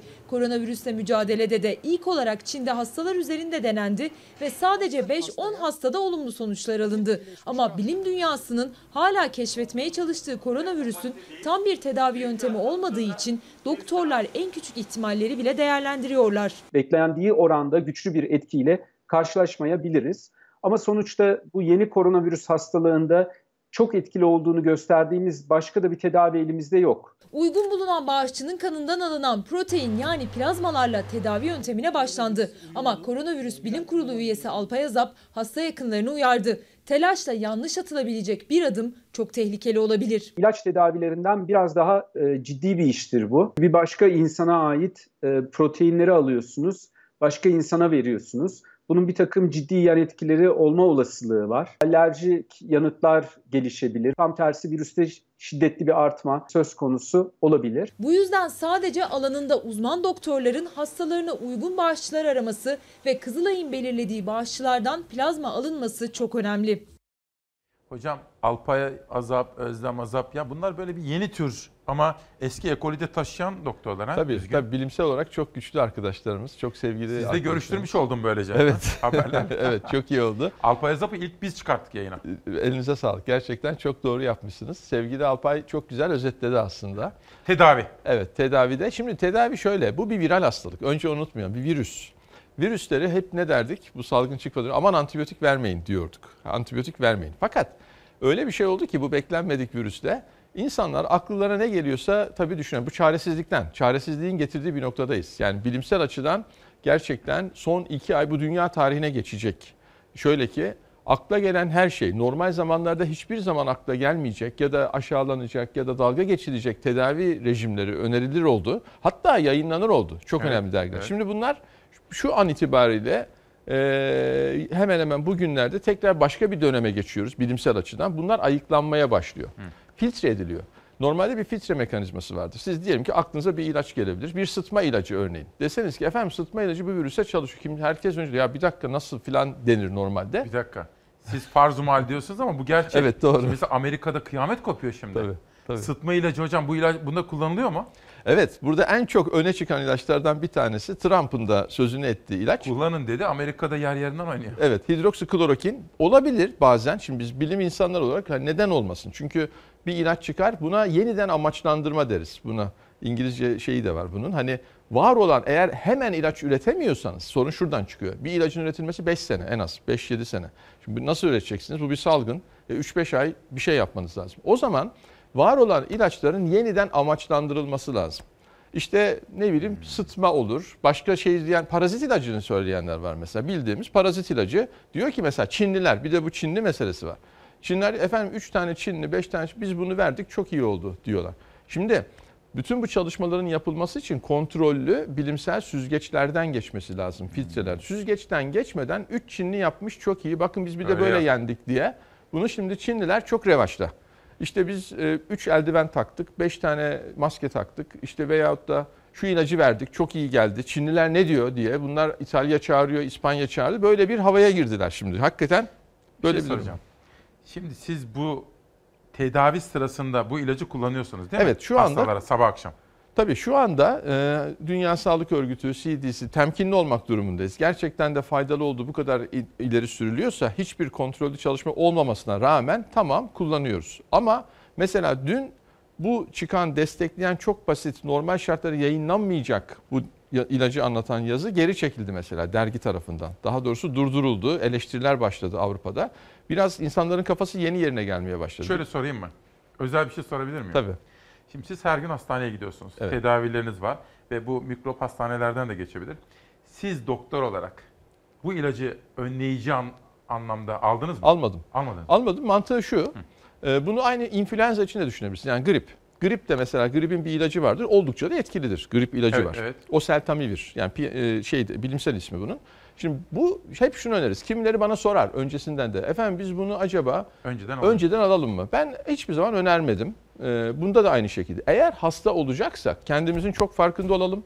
E, Ateşimiz çıkarsa böyle ciddi bir halsizlik, öksürük bir şey hissediyorsa o anda alalım. Zaten erken aldığınız zaman tüm bu viral ilaçlar ilk 48-72 saatte alıyor zaten etkilidir. Esas burada etkilenen ölüme doğru gidecek olanlar hiçbir tedavi almayan işte mahrum kalmış kimselerdir. Yani ciddi risk grupları olan ve uygun tedaviyi erken dönemde almayanlar ciddileşirler. Hastalığın böyle bir seyri var. Siz hastalığı erken başında yakalayıp o ilacı alırsanız zaten o nedenle almıyorum. Ama bunu veya başka herhangi bir ilacı bu virüse karşı önleyici olarak Alınamaz. Önermiyoruz. Öner ben ne adına konuşuyorum? Ben Avrupa Enfeksiyon Hastalıkları Derneği adına konuşuyorum. Dünya Sağlık Örgütü aynı şekilde. Kullananlar var biliyor musunuz? Tabii bu bir panik yarattı. Anlıyor bizim meslektaşlarımızdan da. Yani o Doktorlar panik var doktorlardan. biliyorum. Tabii yani epey bir kullanım oldu. Hatta yan etkiler de bildiriliyor. Hani geçen de söyledim belki yüksek rakam dendi. %5 yüksek bulundu. Olabilir. Çünkü veri yok ortada. Veriler çıktığı zaman belki de binde bir. Çünkü siz bilim adamı adamları yanlışlanabilir veya doğrulanabilir olmasına Evet, bakıyorsunuz. evet, evet. Test edilmesi gerekiyor. Tabii test edilmesi Hocam lazım. şimdi sizin hastalığınızdan biri de benim arkadaşım. Benim arkadaşımın eşi ama siz onu tanımıyorsunuz. Evet. Biraz önce sordum size hasta ismen bile bilmiyorsunuz. Evet. Fakat ben size ondan bir duymuştum. Neyse ona da geçmiş olsun diyelim bu vesileyle. Lafı nereye getirmek istiyorum biliyor musunuz? Kanser hastaları. Şimdi mesela şu ara kanser hastası ama aynı zamanda koronavirüs fakat tedavi. Dün bir konuğum vardı. Değerli bir bilim insanı sizin gibi. Hazır mıyız? Kanser hastaları koronavirüs günlerinde ne yapacak, ne yapmayacak? Şöyle bir gerçek var. 2018 yılında e, yılda 18 milyon kanser hastasına tanı kondu ve bunların 9 milyonu kaybettik. Bu oranla baktığımız zaman kanser de çok büyük bir sorun. Şimdi biz bu hastalarımızda tedavilerimizi yapmazsak eğer o zaman kanser nedeniyle hastalarımızı ileride belki çok daha bir kötü durumda e, görebiliriz. Allah bunu hiçbirimiz istemeyiz. Covid salgınında en çok endişelenenler kanser hastaları. Endişe tedavilerine devam edip edemeyeceklerine dair. Demet Işıl Yılmaz da Türkiye'de ilk korona vakası görüldüğünden bu yana her hafta hastanedeydi. Çünkü tedaviye devam etmek zorunda. 31 yaşındayım. 31 yaşında bu hastalığa yakalandım ve yaklaşık 6 aydır tedavi görüyorum ve tümör tipim agresif, metastaslı bir kanserim. Maalesef kanser hastalığı tedavisini dur ya şunu da biraz erteleyelim denecek bir hastalık değil. Sağlık çalışanlarının, sağlık kurumlarının bu kadar risk altında olduğu bir dönemde bizim gibi kemoterapi gören ve bağışıklığı inanılmaz baskılayan bir tedavi şeklinin korona konusundaki kaygısını ve korkusunu size anlatmam mümkün değil. Kronik rahatsızlığı olanlar ve kanser hastaları. Hastaneler sokaklardan da çok virüs riski altında olduğu için tedirgin. Birçoğu ne yapacağı konusunda bilinmezlik yaşarken Demet Işıl Yılmaz kemoterapiye devam etti. Kanser hastalarının salgın sürecinde hastaneye nasıl gittiğini, kendini nasıl koruduğunu, nasıl tedavi gördüğünü anlatan videolarını da bilgilendirme amacıyla paylaştı. Yaklaşık 8. kemoterapimi almak için hastaneye doğru yol alıyorum. Elimde N95 maskem var. E, çantamda da e, mutfakta çoğumuzun kullandığı eldivenler var. Bunlarla kapıları açıp bununla topluluk arasına gireceğim. Eşimin kontrolü yapıldıktan sonra ben de hastaneye girdim ve farklı bir kapıdan direkt kata geldim. Benim bulunduğum kat genel cerrahi katı. Hakikaten gerekli önlemler alındıktan sonra hastalarımız e, uygun koşullar altında kemoterapi olmaktan korkmamalılar. Bu bir koronafobiye dönüşmemeli. Yılmaz bir aylık süre boyunca sterilizasyona dikkat edilen ve Covid hastalarının bulunmadığı bir bölümde tedavi gördüğü için bir aksama yaşamadı. İsmail Küçükkaya ile Çalar Saat'te konuşan medikal onkoloji uzmanı Profesör Doktor Yeşim Eralp de hastaların hijyenlerine çok özen göstermesi, hastanelerde de kanser hastalarıyla Covid hastalarının mümkünse ayrı binalarda ve farklı sağlık çalışanları tarafından tedavi edilmesi gerektiğini vurguladı. Bu işte kemoterapi kesinlikle olmamalı. Covid e, çok zarar verir konusu e, hastalarımıza ve çok zarar verdi aslında. Lütfen hekimleriyle e, bu konuyu e, konuşarak karar versinler. Dışarıdan alacağımız bırakın koronayı en ufak bir enfeksiyon bile bizi çok daha kötü hallere götürebilir ve tüm emeklerimiz boşa gidebilir. O yüzden tüm Türkiye'ye evde kal mesajını tekrar vermek istiyorum. Ve Önder Ergönül hocamıza soracağız. Kanser bu arada plazma tedavisi de kaldı onu da sormak istiyorum. Fatma Hazal Sivri Ankara Hacettepe Hastanesi onkoloji bölümünde yatan dördüncü evre kanser hastası anneme trombosit kan nakli lazım. Bugünlerde kan bağışı yapacak birilerini bulmak ne kadar zor diyor hocam. Bakın bu da hiç hesaplamadığımız bir komplikasyon. Evet. Kanser hastaları bu dönemde ne yapacak?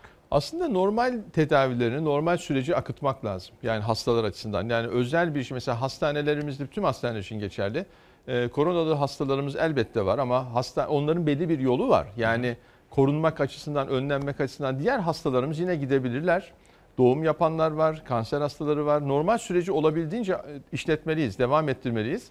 Şöyle bir e, kaygıya kapılmasınlar. Hastaneye girince sanki koronavirüs onları bekliyor, gelecek, e, yakalayacak gibi maskelerini takarlar bu hastalarımız. Özel risk grubundalar çünkü.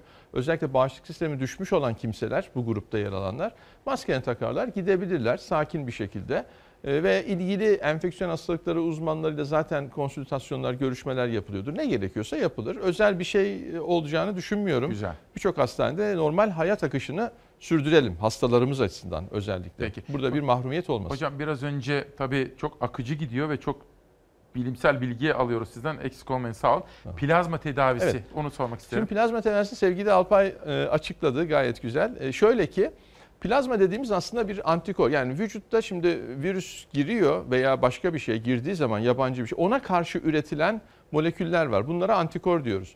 Bu antikoru biz aşı yoluyla oluşturabiliriz e, insan vücudunda ama bu örnekte pasif olarak yani hazırlanmış bir antikoru yani hastalığı geçirmiş atlatmış insanların kanında bulunan o değerli molekülleri hastaya verirsek acaba işe yarar mı? Düşünce bu. Bu 100 yıllık bir düşünce. 100 yıldır vardır bu. Yani Pasteur zamanından, Robert Koch zamanından işte hasta olmuş bir kişi kuduz için düşünelim mesela. Evet. Atlatmış hani survivor diyoruz ya.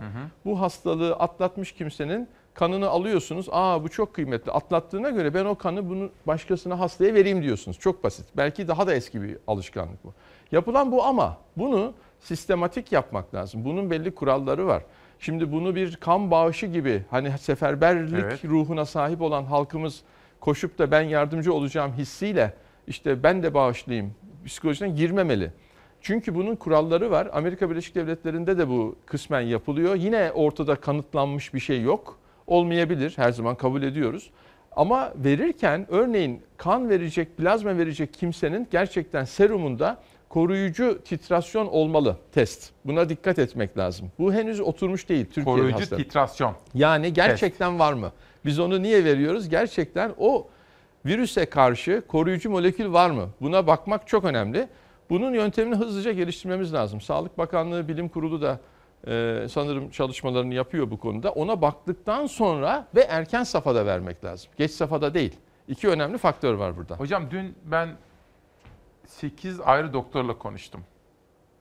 Şimdi bunlardan 3'ü koronavirüs kapmış. O Aytaç Calman Paşa gittiği Evet. zaman. Evet. Onlardan Tabii, kapandılar ve tabii. iyileştik Tamam, dediler. Evet. Bir tanesi göğüs Tabii, hastalığı. tabii. Ya isimleri söylemeyeceğim Tabii, ama. yani görüş, hocamız, görüşüyorum Hocam, kendisiyle. Bir süreçte. buraya davet edeceğim sonra. Çünkü şöyle söyleyeyim. Tabii, geçirdi. Geçirdim. evet. Şimdi Evet. bağışçı da olacak. Yani bu gerçekten faydalı bir şey mi? E işte sistematik yaparsanız, şimdi bilimsel yaklaşım çok önemli. Yani bu kaba bir yaklaşım ilk etapta. Ama bunu bilim zaten bunu o fikri inceltmek, inceltmek lazım. İnceltirken o kişinin kanında gerçekten onu aramak, göstermek. Ha şu miktarın üzerindeyse verelim diyor örneğin e, Amerikalı meslektaş. Haklılar. E, Çok temkinli yaklaşıyor ve merkez kurdular Amerika Birleşik Devletleri'nde, Michigan'da. Bizde de kurulsa yapılabilir E, mi? Yapılabilir ama bunu yavaş yavaş, bunun hazırlıklarını hızlıca yapıp laboratuvar altyapısı çok önemli. Hastalığı Bizde var mı olacak. Türkiye'de böyle imkanlar? Ee, yavaş yavaş oluyor bence. Kızılay sanırım devreye girdi bu plazma meselesi olduğu için. Ama sistematik gitmek lazım. Uzman arkadaşlarımızın görüşleri var o anlamda. Deneyimlendi yani İstanbul'daki özellikle belirli merkezler çok deneyimlendi. Peki. Ee, onu e, bilimsel bir Şimdi çerçevede... bir doktor arkadaşımdan, Doktor Betül Hanım'dan bizim verem aşılı olmamızın da koruyucu yanı olabileceği düşünüyor. Hocamıza sorabilir misin Şimdi diyor. şöyle çok güzel bir nokta. Şimdi dedim ya bir sürü makaleler çıkıyor. Çıkan makaleden birisine atıfta bulunuyor hocamız, Evet. doktor arkadaşımız. Ee, hakikaten bir e, şey yaptılar. Şimdi BCG aşısı oluruz biz. Ee, Türkiye dahil olmak üzere tüberkülozun yaygın olabileceği yerler. Bunu örneğin Amerika olmaz. Yıllardır süre gelen bir tartışma vardır. Yani siz BCG aşısına inanmazlar. Ee, Avrupa'da, Amerika'da. Ee, ve BCG aşısı yapılan coğrafyalarda, ülkelerde e, sanki ölüm daha az gibi. Biz de bunu çalıştık.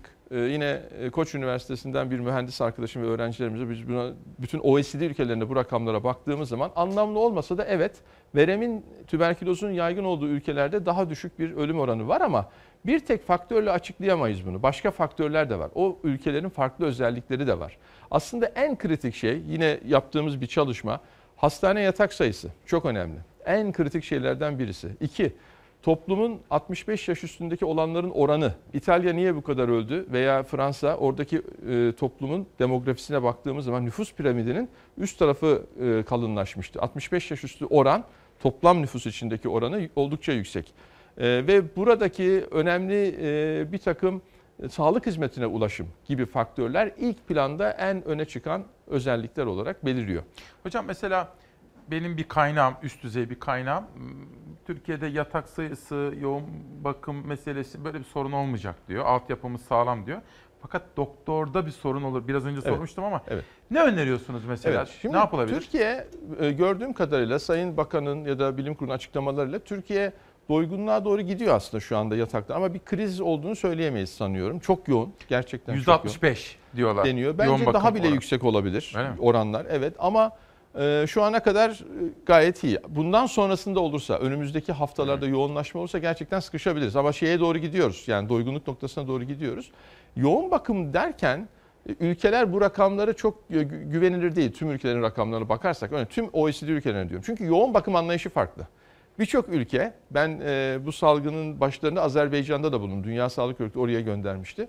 Ve orada şunu yani veya kendi ülkemizde veya diğer ülkelerde yoğun bakım anlayışı çok farklı olabiliyor. Ee, bizim ülkemiz için de rakamların biraz yüksek olduğunu düşünüyorum ben. Gerçek yoğun bakım yani Amerika Birleşik Devletleri'nin kabul ettiği yoğun bakım standartları e, veya Fransa'nın, İtalya'nın ya da başka ülkelerin farklılık gösteriyor. Maalesef bu veriler ülkeler nezdinde standartize edilmiş değil. Peki. Şimdilik iyiyiz öyle diyelim. Hani inşallah. Peki doktor açığını nasıl yani mesela şunun için soruyorum hocam açık sorayım. Evet. 6. sınıf tıp öğrencilerini devreye Şu an, sokalım mı? e, devreye girebilir. Biliyorsunuz tıp öğrencisinin tarihinde vardır. E, 1915'lere 18'lere gidersek. Hani o kadar bir seferberlik şeyinde değiliz şu anda. Ama onlar zaten 3 ay sonra doktor olacaklar. Örneğin Haziran'da normalde bizim mezuniyet törenimiz vardı. Haziran ayında. Yani zaten 2 ay doktor. Bu böylesine bir deneyimi belki meslek hayatları boyunca görmeyecekler. Hani Evet. Ben intern olsaydım ben giderdim çalışırdım gönüllü gerçekten ve o anlamda intern dediğimiz bizim son sınıf öğrencileri. Ee, Yani hocam şimdi bak bu, bu bir mantık tamam mı? Şimdi bizim stajyerlerimiz vardı. Şimdi ben diyorum ki mesela ben olsaydım şimdi 17, 18, 20 yaşında ben devam ederdim. Tabii. Hepsi çekildi Tabii. bizimkiler biliyor Tabii, musunuz? tabii. Ya böyle bir gazetecilik Tabii. deneyimi ben Tabii. hayatım boyunca bunu taşıyacağım mesela. Bütün ekip arkadaşlarım. Tabii. Zorlu Tabii. ama gereken tedbirler al. Yani bizim stajyerler kayboldu. İşte ama bunu- bu bir mantık evet, işte, evet, mantalite evet, meselesi. evet, evet. Hazır mıyız arkadaşlar? Yurdumuzun koronayla imtihanı. Dünyaya benzer bir şey sürmüşler. Bir kadın elinde ne olduğu henüz anlaşılamayan sıvıyı kapı kollarına, zillere ve asansörlerin en çok el değen noktalarına sürüp kaçtı. Burası 20 içeriye asansör içinde var. Zilde var. Aynı şekilde aşağı binaya da yapmış. Akla ilk gelen koronavirüs bulaştırmak için yapılmış bir suikast oldu. Polis kadının sürdüğü maddeden numune aldı. Kısa sürede yakalanan Kezban M'nin psikolojik sorunları olduğu, sürdüğü maddenin ise evde hazırlanmış kimyasal bir karışım olduğu açıklandı. Şüpheli Kezban M bu eylemi neden yaptı, o kimyasal karışımda neler vardı anlaşılamadı. Tüm dünya yeni tanıştı virüsle. Yeni tip koronavirüs, yeni tip toplumsal tepkileri beraberinde getirdi. Son bir aydır pandemi mücadelesi verilen Türkiye'den de ilgi çekici görüntüler gelmeye devam ediyor. Yara sevdamı yar iş yok evden de sıkıldım mecbur. İstanbul Taksim'de bir vatandaş en orijinal maskelerden birini takıp çıktı sokağa. Sizin maskeniz organik galiba. Evet. Neden böyle bir şey düşündün? Neden için ilk başta sağlığım ve vitamin. Temizlik işçiliği yapan, çalıştığı şirket tarafından yıllık izin kullandırılmaya yönlendirilen Ahmet Cemil'in portakal kabuğundan maskesi ilgi çekti. Maske aslında alacaktı baktık ki dışarıda yasaklanınca mecbur bunu kullanmak zorunda kaldık. Sokaklar, caddeler eskiye göre büyük ölçüde boşaldı. Vatandaş temel ihtiyacı dışında alışverişi neredeyse kesti. Hal böyle olunca esnaf zaman geçirmek için top oynamaya başladı. Bitlis'in Hizan ilçesinde esnaf top oynarken sosyal mesafeyi korudu, bir de mesaj verdi. Belki burada bir iki ay e, maddi bir kaybımız olacaktır. Ama Hizan halkının sağlığı olmadan bizim kazancımız olmaz. Onun için Hizanlı hemşerilerime söylediğim tek şey evde kalın, sağlıklı kalın. İzmir'de Doktor Cansu Atmaca Mutlu koronavirüs mücadelesini yendi, karantina süresini doldurdu ve işinin başına alkışlarla güle oynaya döndü. Evlerinde kalan vatandaşların iyi vakit geçirmesi fikrinden doğan sokakta konser furyasına Manisalı gençler de katılmak istedi. Aldılar müzik aletlerini, sokak sokak mini konserler verip para toplamak istediler. Akisarlı gençlerden bazılarının yaşının 20'nin altında olduğu anlaşıldı. Gençlerden 3'üne sosyal mesafe kurallarını ihlalden, 20 yaşından küçük olan 2 kişiye ise sokağa çıkma yasağını ihlalden 3150'şer lira para cezası kesildi. Evet, Önder hocamıza, Profesör Doktor Önder Ergönül hocamıza soralım. Hocam bir sosyalleşme meselesi var. Evet şimdi e, ilk veriler şunu gösteriyor aslında. Bu sağlıklı toplumda hani evlerine kapanın vesaire diyoruz ama gençlerin mesafe alması biraz zor oluyor. Bunu öğrenmiş olduk. Yani bunu sağlık çalışanları için de söyleyebilirim ben. Yani genel olarak rakamlara bakarsak bizim ülkemizde de daha genç nüfus olan örneğin 20'li yaşlarda bizim hemşire arkadaşlarımız olsun veya sağlık çalışanları olsun e, o mesafeyi çok kolay koyamıyorlar diyelim ve bu enfeksiyon getiriyor gerçekten. Bunu sokakta da gördüğümüz şey. O yüzden ilk başta yaşlılardan korkulurken hani 65 yaş üstü evden çıkmasın falan dedik ama bu kez de şunu gördük, öğrendik hep beraber. Gençler sosyalleşmeye çok daha hevesli, çok daha e, yatkınlar ve orada enfeksiyon odakları, kümeleri olmaya başladı. Böyle bir kümeleşme var. Sonra tabii o gençler evlere gittiklerinde işte babaannesi, anneannesi yaşında, belki babası, annesi her neyse onlara riskli gruplara bulaştırmaları söz konusu olabilir. Böyle bir durumla karşı karşıyayız. Hocam şimdi ne düşünüyorum biliyor musunuz? Hissiyatım şu. Hani her musibetten hayırlar da çıkabilir ya. Kesinlikle. Şimdi biz mesela ne öğrendik? Şimdi bilimi öğrendik yeniden. Evet. Bilimi Evet. hatırladık. Yani Evet. Bilimsel bilginin, güvenilir bilginin ne kadar önemli olduğunu öğrenmedik mi? Kesinlikle. Bilim güçtür aslında. Bu işte Bakon'dan ya da Galile'den gelen, daha o aydınlanma dönemiyle gelen çok e, önemli tespitler ve bizim tabii biliyorsunuz kurucumuz e, Mustafa Kemal'in e, bunu hatırlattığı, bizim okullarımızda her zaman olan, belki klişe gibi gelen insanlara şeyi bu kez kalbimizde hissettik toplum olarak. Çünkü içine doğarsanız kıymetini bilmiyorsunuz. Yani içimizde doğduğumuzda biz de ilkokulda, ortaokuldayken işte hayatta her hakiki mürşit ilimdir. Ama yani böyle bir işte biz de böyle. Herhalde her ülkede böyledir zannediyorduk ama pek de değilmiş. E, Dolayısıyla bunu en hayırlı şey bence o olacak. Yani bu salgında e, işte çok teknik şeyler anlatıyoruz aslında. Normalde derslerimizde anlattığımız o R0 sayıları. Hocam işte. sınav yapsanız biz geçeriz artık. evet. Çok teşekkür ediyorum. Sağ olun, var olun. teşekkür ederim. Bugün de sizin şahsınızda bütün doktorlar, bütün hemşireler, sağlık çalışanları, hasta bakıcılar ve hastalarımızla ilgilenen fedakar refakatçilere teşekkür ediyoruz hocam. Ben teşekkür ederim. Sağ olun. Bu yayın için çok sağ olun. Sağ olun. Çok teşekkür Dünyadaki koronayla mücadele günlüğü. Salgının merkezi haline gelen Amerika, Türkiye'den maske, sabun ve ceset torbası istedi. Takas teklif etti. Feribot mürettebatında korona çıktı, paniğe kapılan yolcular denize atladı.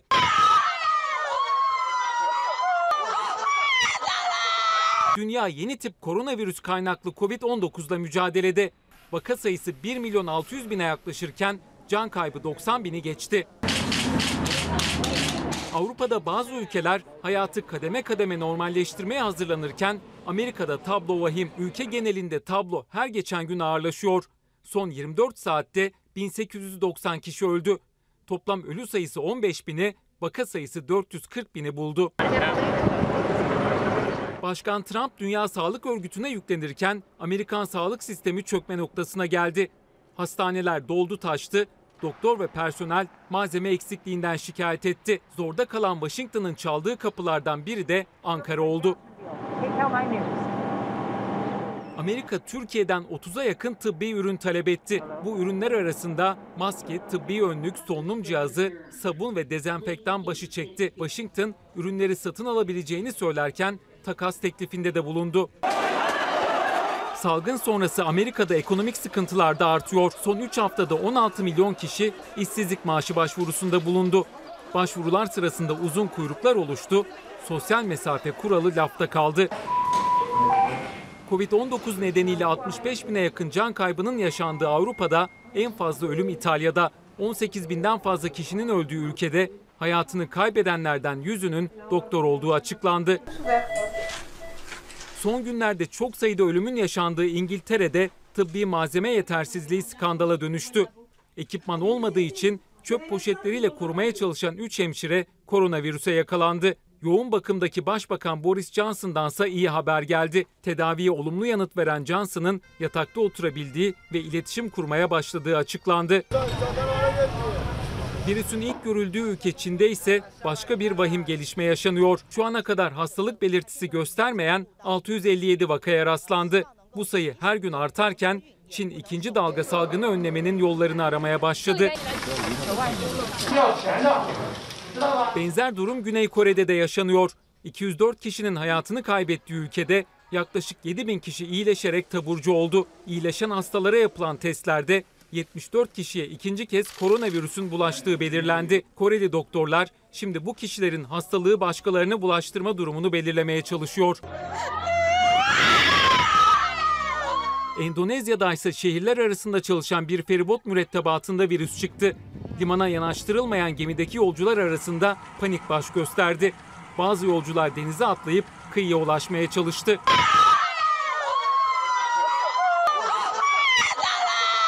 Yetkililer bir süre sonra geminin limana yanaşmasına izin verdi. Yolcular karantinaya alındı. Hepsine test yapılacağı açıklandı.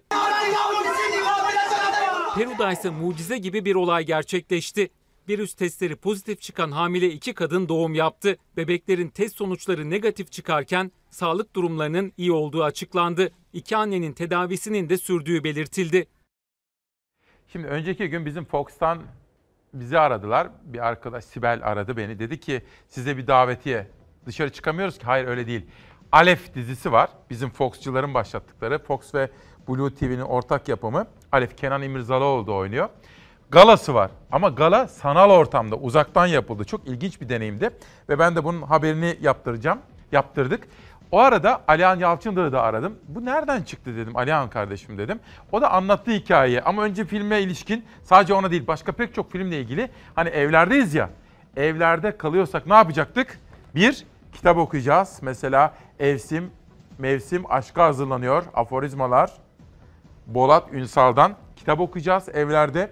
Hatırlıyorum da Beyza Nur Özbudak. O da bana yine Bartır'dan bunlar bakın. Bartın'dan geldi ve bize imzalı gelenler.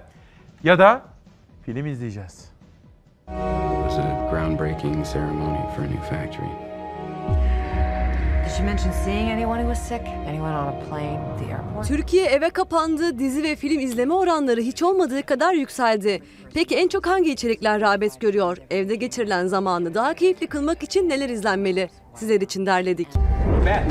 No, no, uh, go up to your room, honey. So we have a virus with no treatment protocol. Koronavirüs salgını tüm dünyayı sardı. Milyarlarca insanı etkisi altına aldı, evlerine kapattı. İnsanların adeta bir bilim kurgu filminde yaşıyormuş gibi hissettiği bu aylarda felaket filmlerine rağbet arttı. Listede salgın filmi başı çekti. You had a seizure this morning, Beth. She had a history of seizures, No, no, no, no. allergies. As of last night, there were 32 cases. Ayrıca bir klasik haline gelen Friends ve How I Met Your Mother dizileri hem hayranları için hem de izlememiş olanlar için alternatif oluşturuyor. This is all making so much sense to me now. This is why Adam Carter wouldn't go out with me. Ebeveynlerin çocuklarıyla keyifli vakit geçirmesine olanak tanıyan, her yaşa hitap eden Aslan Kral ve Mary Poppins Sihirli Dadı da animasyon türünde başı çekiyor. Never return.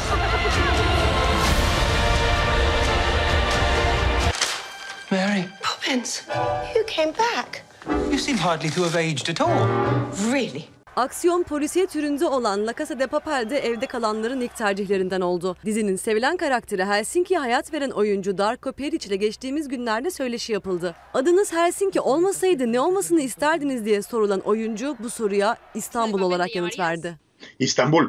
Yepyeni bir dizi de bugün yayın hayatına başlıyor. Kenan İmirzalıoğlu, Mümtaz Taylan ve Melisa Sözen'in başrollerini paylaştığı Alef, ilkleri yaşatmaya hazırlanıyor. Mistik polisiye türünde Türkiye'nin ilk örneği olan dizi izleyiciyi gizemli ve aksiyon dolu bir yolculuğa çıkaracak. Gönül isterdi ki Alef'in galasını da her zamanki gibi bir arada yapalım, yan yana izleyelim, heyecanımızı paylaşalım.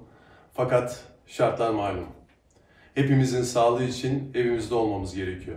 İnsanların evlerine kapandığı bu dönemde gala etkinliklerine de bambaşka bir bakış getirildi. Alef dizisi ilk online gala gerçekleştirerek bu konuda da bir ilk oldu. Türkiye'nin ilk online galasını gerçekleştiriyoruz. Hepiniz hoş geldiniz. Hem sizleri korumak hem de heyecanımıza ortak olabilmeniz için Alef'in galasını online bir şekilde gerçekleştiriyoruz. Herkese iyi seyirler. Zorunlu olmadıkça herkesin sağlığı için evde kalın. İsmail Küçükkaya ile Çalar Saati izledikten sonra sizin için derlediğimiz içeriklere göz atmayı unutmayın. Şimdiden iyi seyirler.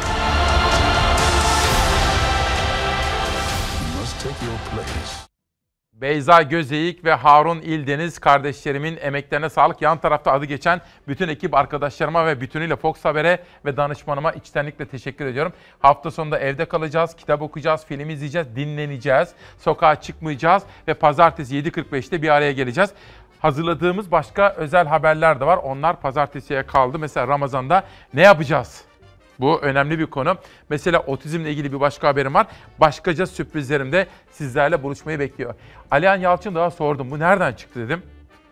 Dünyada Hollywood'dan sonra en fazla film ihraç eden ülke biziz. Ama öyle bir film yapmak istiyoruz ki bundan böyle öyle bir standartları yükseltelim ki Almanya'da, İngiltere, İtalya'da prime time'da yayınlansın Türk dizileri dedi. Ben de merakla bekliyorum efendim. Emeği geçen bütün ekip arkadaşlarıma şahsım adına sizlere sağlıklı günler diliyorum. Pazartesi 7.45'te İsmail Küçükkaya ile Demokrasi Meydanı'nda buluşmak üzere. Hoşçakalın.